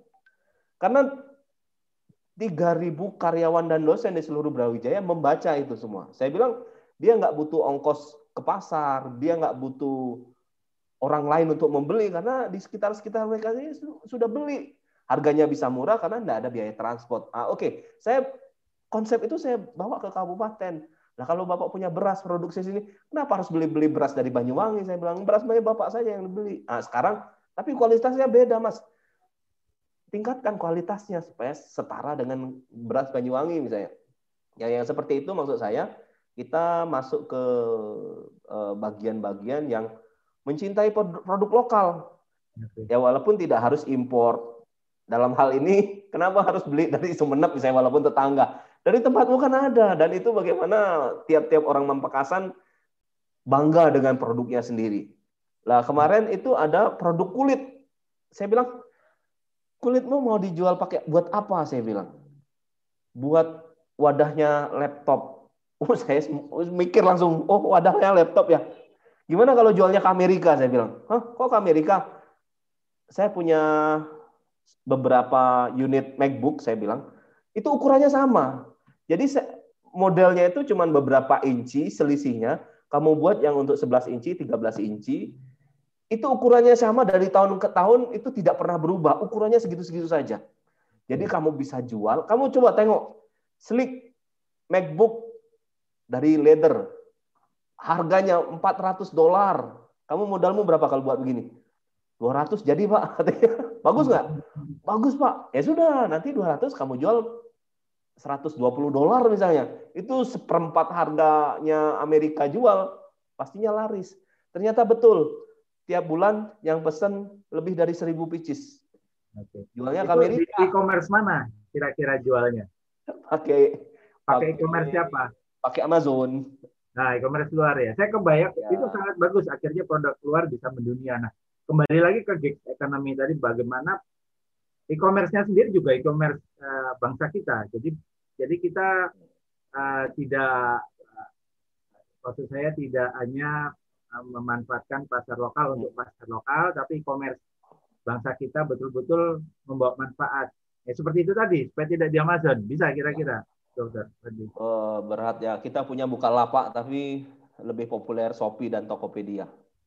Kita, kita punya apa lagi? Kita makanya saya pengennya itu ya karena kalau kita lihat produk luar, dia dari casingnya aja udah rapi, dari dari bentuk bentuknya aja udah rapi dan iya. bentuk yeah. bentuk produk kita misalnya sambal sasetan udah berantakan sambal dalam botol kita ngelihatnya aja nggak tega mau beli beli aja karena kasihan sama penjual nah sekarang memang banyak hal yang harus kita tata dan kalau kita mau membentuk e-commerce sendiri tidak sedikit modalnya ini. ya kita mungkin perlu peran dari pemerintah untuk karena biayanya nggak sedikit itu karena betul, skalanya kan luar biasa. Iya, kan uh, akhir uh, saya melihat tidak saja uh, produk lokalnya saja yang uh, diambil value-nya oleh e-commerce luar, tetapi juga uh, e-commerce luar pun pada masuk Indonesia, ya dan termasuk yang tadi saya sebutkan, kan, termasuk uh, Amazon itu semua bermain di pasar Indonesia,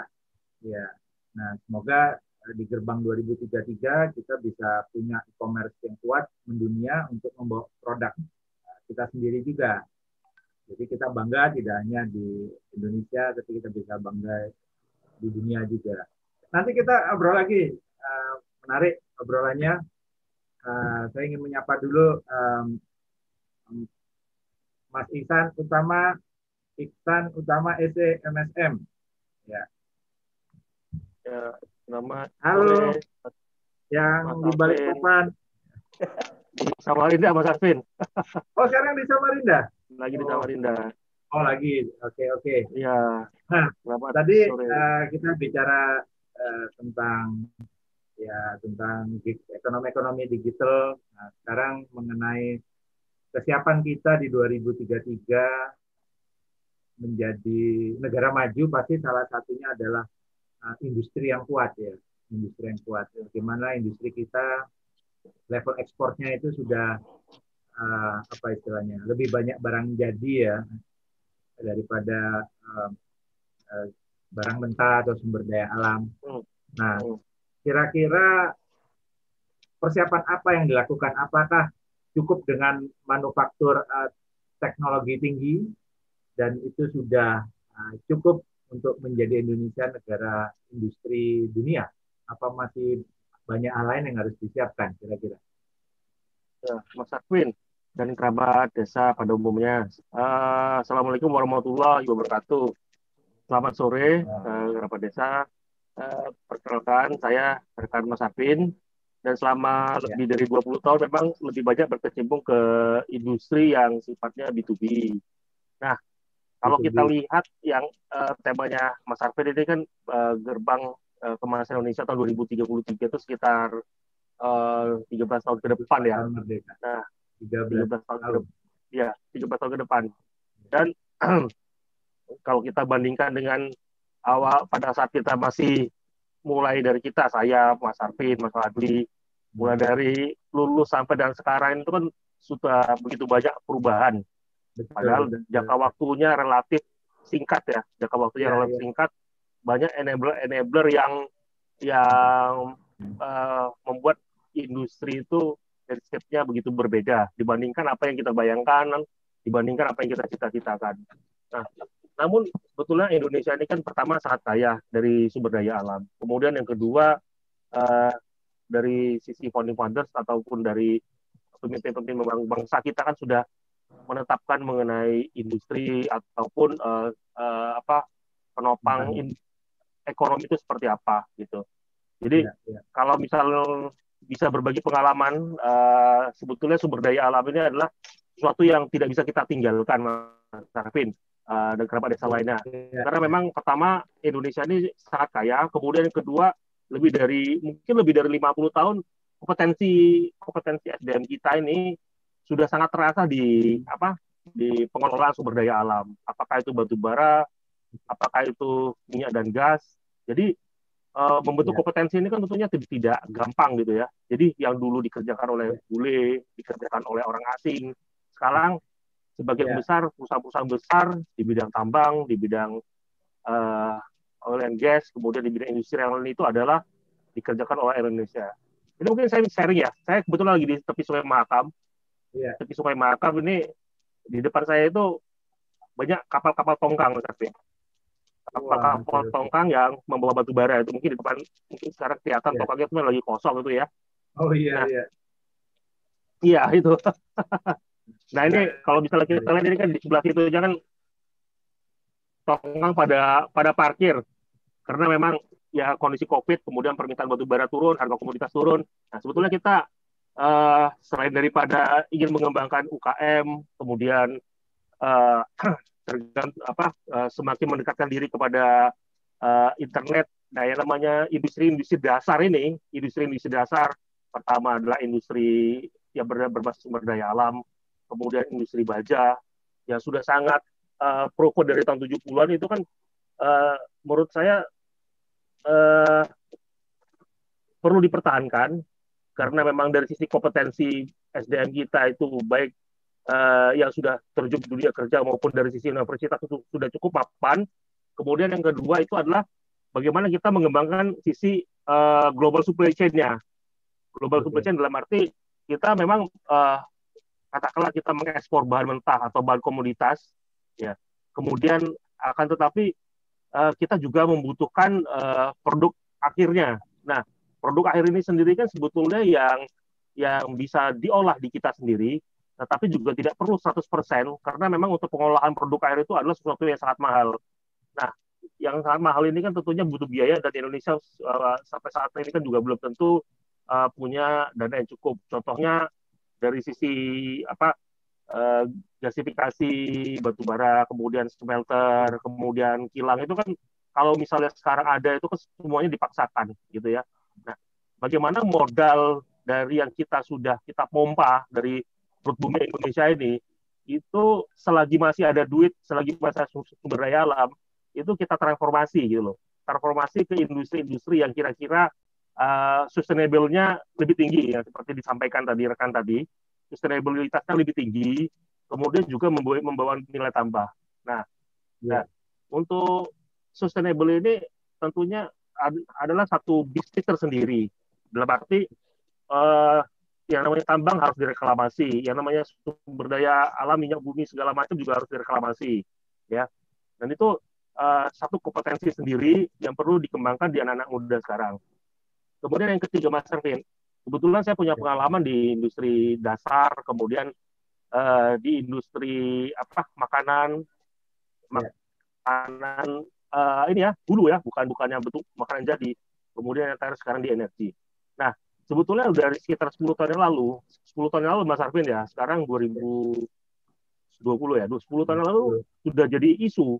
Jadi uh, sebetulnya akan terjadi tiga tiga perebutan gitu loh ya semuanya adalah bahan substitusi yaitu food makanan kemudian makanan. feed feed itu adalah uh, bahan makanan atau pakan pakan jadi uh, apa namanya bahan pakan ya pakan pakan untuk ternak atau segala macam dan yang ketiga adalah fuel fuel atau bahan bakar dan ketiga food fuel dan uh, food fuel dan feed ini membutuhkan lahan, membutuhkan okay. lahan. Suatu saat kita nggak tahu kapan lahan di bumi Indonesia ini akan sangat mahal, walaupun itu ada lokasinya di Ambon, apakah itu di Sulawesi, ataukah itu ada di Papua, karena memang uh, apa uh, semuanya sifatnya adalah substitusi, gitu sifatnya substitusi, gitu ya. Oke. Okay. Nah, uh, dan sangat menariknya baik untuk uh, feed maupun fuel Indonesia itu nomor satu baik dari sisi perusahaan eh, uh, dari sisi kapitalisasinya maupun market size-nya itu nomor satu. Nomor satu dari apa? Dari sisi konsumsinya gitu ya. Jadi memang kita bisa uh, melihat uh, bahwa uh, sumber daya kita ini sumber daya kita sumber daya kita yang kita miliki sekarang bisa kita pompa kita bisa eksplorasi tetapi tidak meninggalkan dari sisi sustainabilitasnya untuk kita melakukan transformasi untuk memberikan transformasi ke industri-industri yang lebih padat modal gitu mungkin itu Mas Arvin yang perlu yang bisa saya sampaikan dan bisa kita sharing. Kadang-kadang walaupun saya sangat sedih gitu ya melihat alam Indonesia hmm. yang yang apa yang semakin rusak, tetapi uh, tentunya uh, untuk mengembalikan alam itu kembali seperti asal tidak mungkin itu suatu hal yang renewable apa renewable, tetapi untuk memanfaatnya kembali itu sangat memungkinkan gitu. Mungkin itu yang hmm. menjadi PR generasi muda dan jangka waktu 13 tahun ke depan ini cukup singkat Mas Arifin dibandingkan kalau kita ngaca 20 tahun yang lalu kita punya cita-cita bersama itu. iya. Iya, menarik tadi Mas Iksan. Jadi 3 F tadi ya. Eh, bagaimana kita mengkombinasikan 3 F ini menjadi sebuah pembangunan yang sustain ya. Dan yeah. kita siap di gerbang 2033 tentu tentu diperlukan sebuah kebijakan yang pas ya pastinya untuk kesejahteraan masyarakat ujungnya. Nah, ya. kira-kira apakah sekarang uh, kebijakan uh, untuk mengakomodir 3F ini uh, harus terus direformasi? Uh, kalau menurut saya sekarang ini uh, untuk hal-hal dasar seperti ini tentunya butuh campur tangan pemerintah, Mas Arvin. Karena uh, uh, sekarang pemerintah sibuk mendengungkan ke ini apa energi yang terbarukan. Energi yang terbarukan salah satunya adalah ke nabati. Tetapi ya. yang perlu diyakini adalah begitu nabati itu menjadi ya, ya. pilihan, itu akan meruntuhkan yang namanya uh, food dan feed tadi dan akan menaikkan harga lahan. oh, yang harga lahan dia pesisir-pesisir itu yang tidak ada harganya itu otomatis akan naik, Pak. Itu yang perlu uh, campur tangan pemerintah dan sepertinya pemerintah saat ini juga masih menyerahkan kepada privat company maupun ke BUMN yang sekarang sepertinya kalah liberalisasi justru itu Mas Arben. Uh, Apakah uh, seperti China, jadi kita tergantung oleh uh, BUMN? Uh, sebetulnya iya, tapi BUMN-nya yang tidak yang tidak perlu ditarget secara profit maupun uh, loss, tapi lebih ke arah BUMN yang yang sifatnya ke public uh, service gitu Pak. Public service. Public service itu yang itu yang sedikit banyak uh, hilang ya roh rohnya okay. BUMN sebagai uh, penyangga ekonomi masyarakat itu hilang gitu.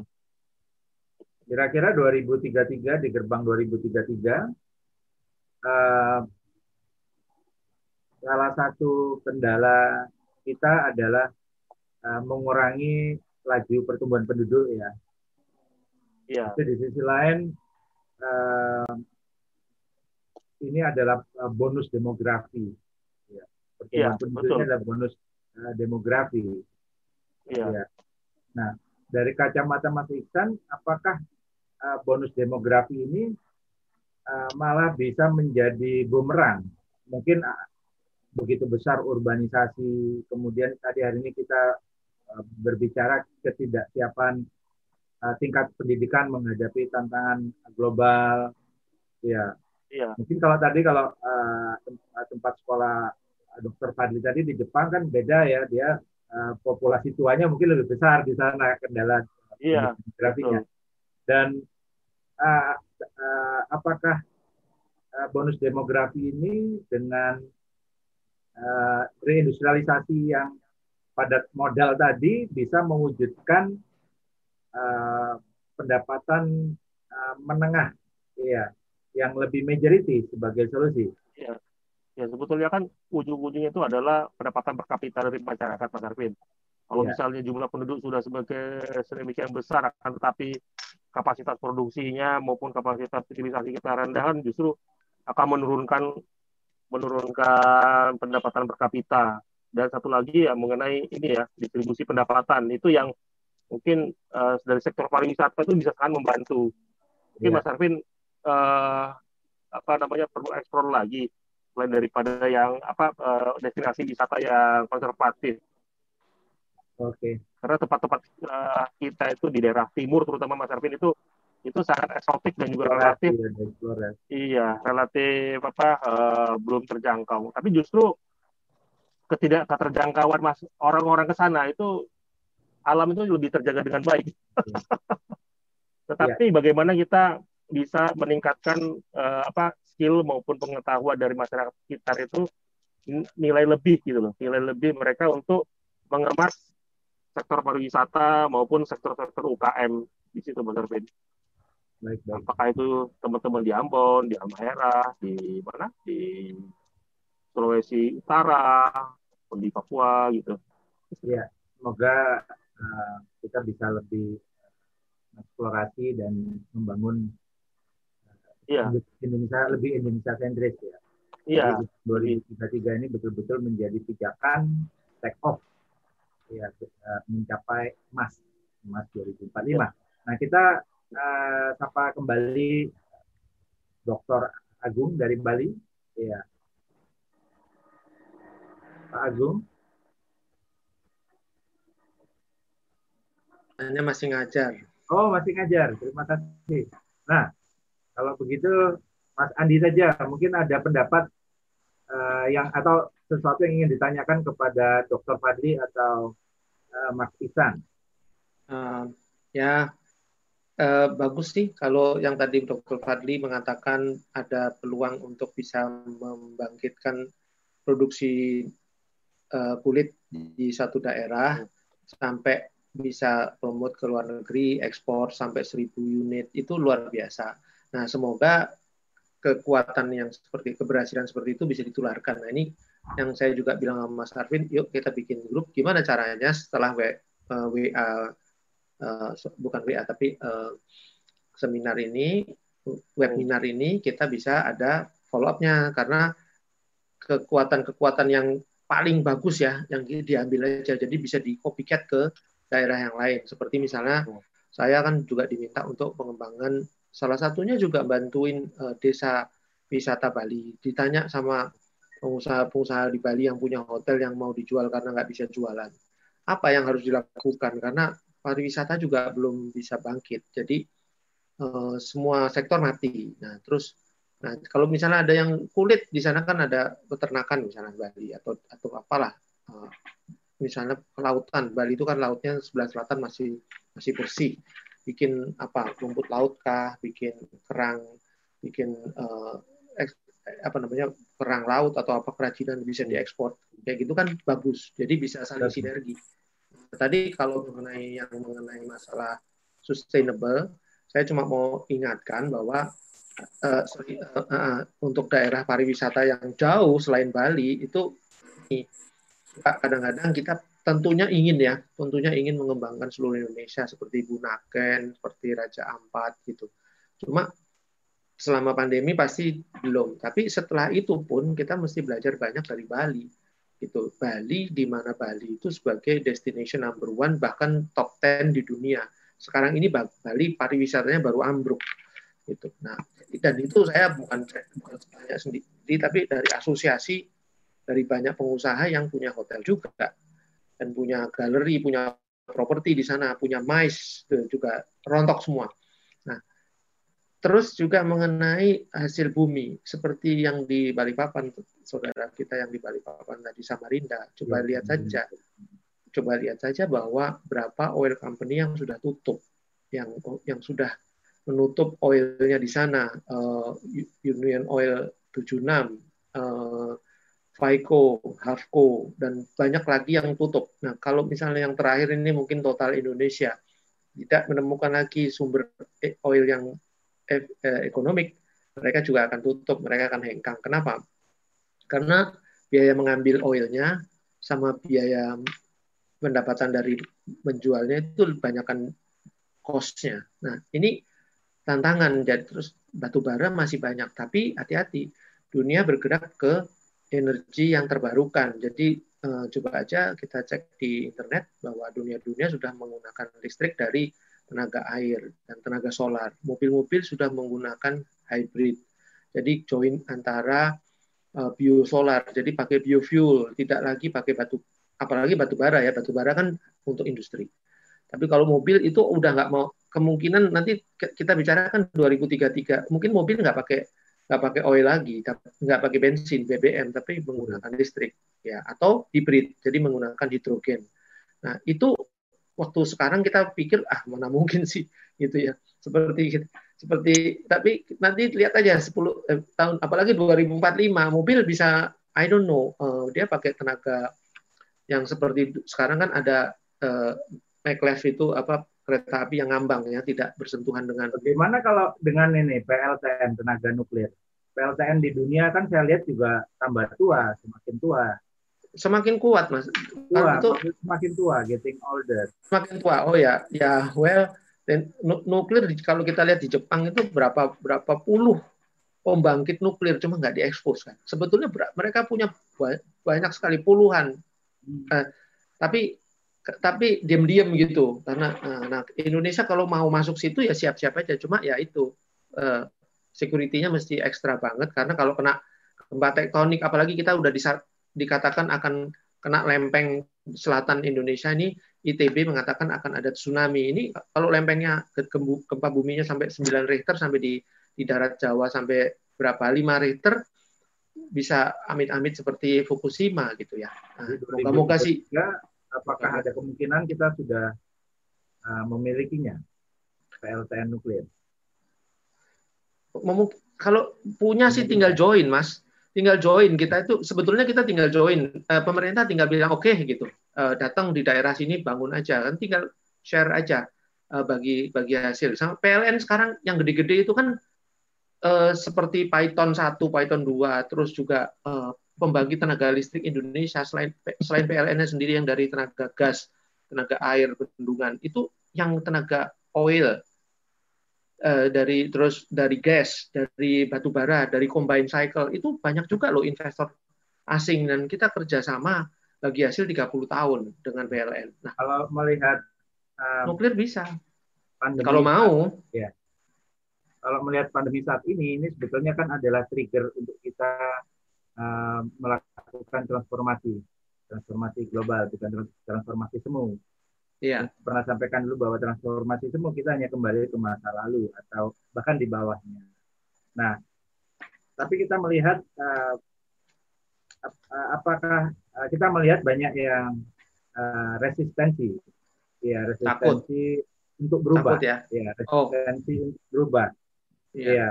Nah, uh, apa bagaimana melihatnya Mas Andi kira-kira? Wah, kemarin kita ketemu kita diskusi sama Wagub Mas Emil Dardak. Ya. Kan beliau mengatakan Jawa Timur sebagai provinsi kedua terbesar di Indonesia mengatakan bahwa pembangunan dua, satunya ke arah modern, satunya mempertahankan tradisional. Nah, di sini pas baru ada azan, Mas. Jadi mungkin narasumber lain yang lebih free bisa oke, sementara. Kita sapa dulu uh, kembali ke Mas Fadli Dokter Fadli? Ya waktu tidak terasa sebentar lagi uh, usai. Dokter Fadli apakah masih hadir? Dokter Fadli? Sepertinya silent. Atau kita kembali ke uh, Mas Iksan Mas, Mas Iksan yang ada di Samarinda. Dr. Agung eh, ya, izin memberikan ya, kuliah. Arvin. Iya. Tadi um, ya, sempat dibahas ya tiga F-nya Mas Iksan, food, fit, dan full. Ya. Dan nanti ke depan untuk mewadahi tiga F ini uh, dibutuhkan perluasan lahan ya sampai sampai Indonesia Timur. Nah, jadi kalau saya melihat sebetulnya nanti tantangan global ini iya juga semakin besar menjelang 2033. Jadi tidak hanya tantangan uh, internal kita saja, tetapi tantangan global yang sangat kompleks, hmm. penuh dinamika. Ya, belum ya. mungkin nanti ada ya semoga tidak uh, ada uh, virus baru atau penyakit baru ya semoga tidak ya. Hmm. Nah, kalau Mas Iksan sendiri bagaimana melihat uh, berbagai tantangan ini? Ya, ada masalah pangan, air, tadi yeah. kita bahas masalah edukasi juga, ya, dan sekarang yeah. juga masalah kesehatan, ya, walaupun yeah. kita harus terus optimis, ya. Yeah. Nah, yeah. Apakah uh, dengan ketersediaan 3F ini itu sudah cukup? Iya. Di, yeah. sisi lain banyak sekali dinamika tantangan global itu. Iya, jadi gini Mas Arvin, kalau misalnya dari ini kan demand supply antara kebutuhan mem memberi orang makan dengan uh, apa demand ya demand orang memberikan orang makan maupun menciptakan uh, value creation gitu dengan uh, supply dari kita sendiri ya. Nah yeah. kalau dilihat dari supply-nya tentunya secara kasat mata sepertinya uh, tidak akan tercukupi pak mas. Ya, karena ya. memang uh, uh, dari sisi lahan itu tidak memungkinkan kita melakukan ekstensifikasi lebih jauh gitu ya. Uh, untuk uh, apa namanya untuk apa menambah uh, ya tadi yang uh, food maupun fit tadi kemudian dari sisi uh, apa uh, ketersediaan sumber daya alam untuk memberikan energi kepada orang Indonesia yang jumlahnya sekitar 400 juta akan 400 juta ini tentu juga akan semakin uh, apa semakin rendah gitu. Jadi barang itu kan akan semakin langka. Ya, jadi memang PR-nya itu adalah bagaimana kita membela, uh, memberikan nilai tambah maupun uh, uh, apa namanya bisa uh, memenuhi kebutuhan kita sendiri. Gitu. Dan kita juga tidak jangan sampai menolak menolak uh, uh, pemasok dari negara lain karena memang uh, yang tadi lagi-lagi katakan kita katakan adalah kompetensi pak kompetensi sumber daya uh, manusia kita yang sudah sangat ahli untuk mengelola sumber daya alam maupun uh, sektor pertanian ini kalau misalnya dihilangkan itu kan juga juga sayang ya gitu loh namun untuk memberikan nilai tambah atas hasil produksi uh, makanan maupun untuk uh, mengolah uh, sumber daya alam menjadi sumber daya sumber daya alam alternatif nah itu yang perlu dikembangkan. Itu tentunya uh, butuh menjadi PR kita bersama Mas Arvin gitu. Jadi katakanlah kalau sektor food ya gimana kalau misalnya kalau sekarang ini satu piring kenyang kalau besok satu dua sendok udah kenyang gitu loh makannya yeah. gitu. Kemudian kalau dari sisi fit bagaimana uh, apa uh, produksi Eh, pabrik-pabrik uh, itu bisa mengolah uh, dari apa bahan baku uh, tingkat utilisasi apa tingkat efisiensinya atau rendemennya lebih tinggi kayak gitu. Kemudian kalau misalnya dari sisi fuel bagaimana uh, kita bisa mengubah yang kemarin itu lebih banyak menggunakan batu bara maupun uh, minyak bumi itu pemakaiannya tentunya lebih lebih lebih efisien lebih efisien dalam arti bisa aja kita apa namanya uh, dari sisi regulasi menetapkan bahwa ya dibatasi dari sisi kendaraan itu maupun dibatasi dari sisi uh, apa umur. Nah itu kan semuanya butuh tantangan. Tapi 13 tahun ke depan itu adalah waktu yang cukup singkat gitu supaya kita bisa ngejar Jepang, Singapura, kemudian Korea Selatan gitu. Ya, maupun Cina ya tentunya. Jadi kunci bahwa di saat gerbang 2033 adalah titik keseimbangan uh, sustainable land tadi ya bahkan uh, ocean ya kita negara kelautan kemudian iya, betul. sustainable satu lagi. infrastrukturnya iya. bahkan sustainable uh, sustainable smart city atau smart village juga ya semua ya, yang di mana bisa saling integrasi jadi banyak sekali ya PR kita ya belum lagi tadi dibahas oleh uh, Dr. Agung mengenai masalah lingkungan bagaimana ya. air itu air bersih ya kemudian hmm. tadi juga mengenai pangan saat ini uh, pandemi ya, ya tantangannya besar dan kita harus uh, terus hmm. optimis. Nah, tadi juga Dr. Fadli uh, menyampaikan perihal um, IT menjadi sebuah uh, potensi atau sebaliknya. Hmm. Belum lagi mungkin saat kita bicara uh, ekosistem IT 2033, bagaimana yeah. kita melakukan um, securing ini apa apa ya cyberspace ya cyberspace itu kan butuh uh, securing yang luar biasa juga di mana semakin besar dan kita harus uh, harus siap untuk itu. Semoga kita bisa siap. Jadi PR-nya saya lihat PR Challenge Indonesia untuk gerbang 2033 ini uh, besar sekali dan juga bagaimana yeah. kita melihat uh, sekarang yang uh, gap antara kaya dan miskin kan juga jurangnya besar. Ma, ma, saya tidak tahu apakah makin besar atau atau ya tapi sudah besar. Dan ini bagaimana kita memperkecilnya ya. Memperkecilnya dengan besar mas. kebijakan-kebijakan uh, jangka panjang uh, baik mencapai 2033 atau 2045 semoga bisa kita wujudkan bersama. Ya. Nah waktu tidak uh, terasa nah saya ingin um, uh, menanyakan atau meminta para narsum memberikan pesan-pesan kepada kerabat desa dan kepada bangsa ini uh, untuk uh, mencerahkan ya.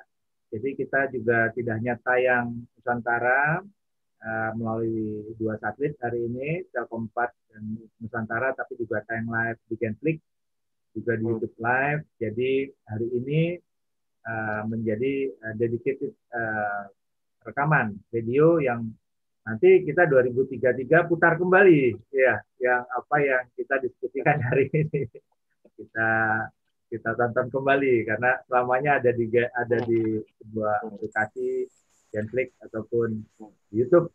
Ya nah, nanti kita tonton kembali 2033 silakan Mas Andi. Ya terima kasih Mas Alvin uh, dan salam buat teman-teman. Seperti uh, orang tua kita dulu generasi pertama 45 mereka berjuang revolusi lima tahun untuk merdeka.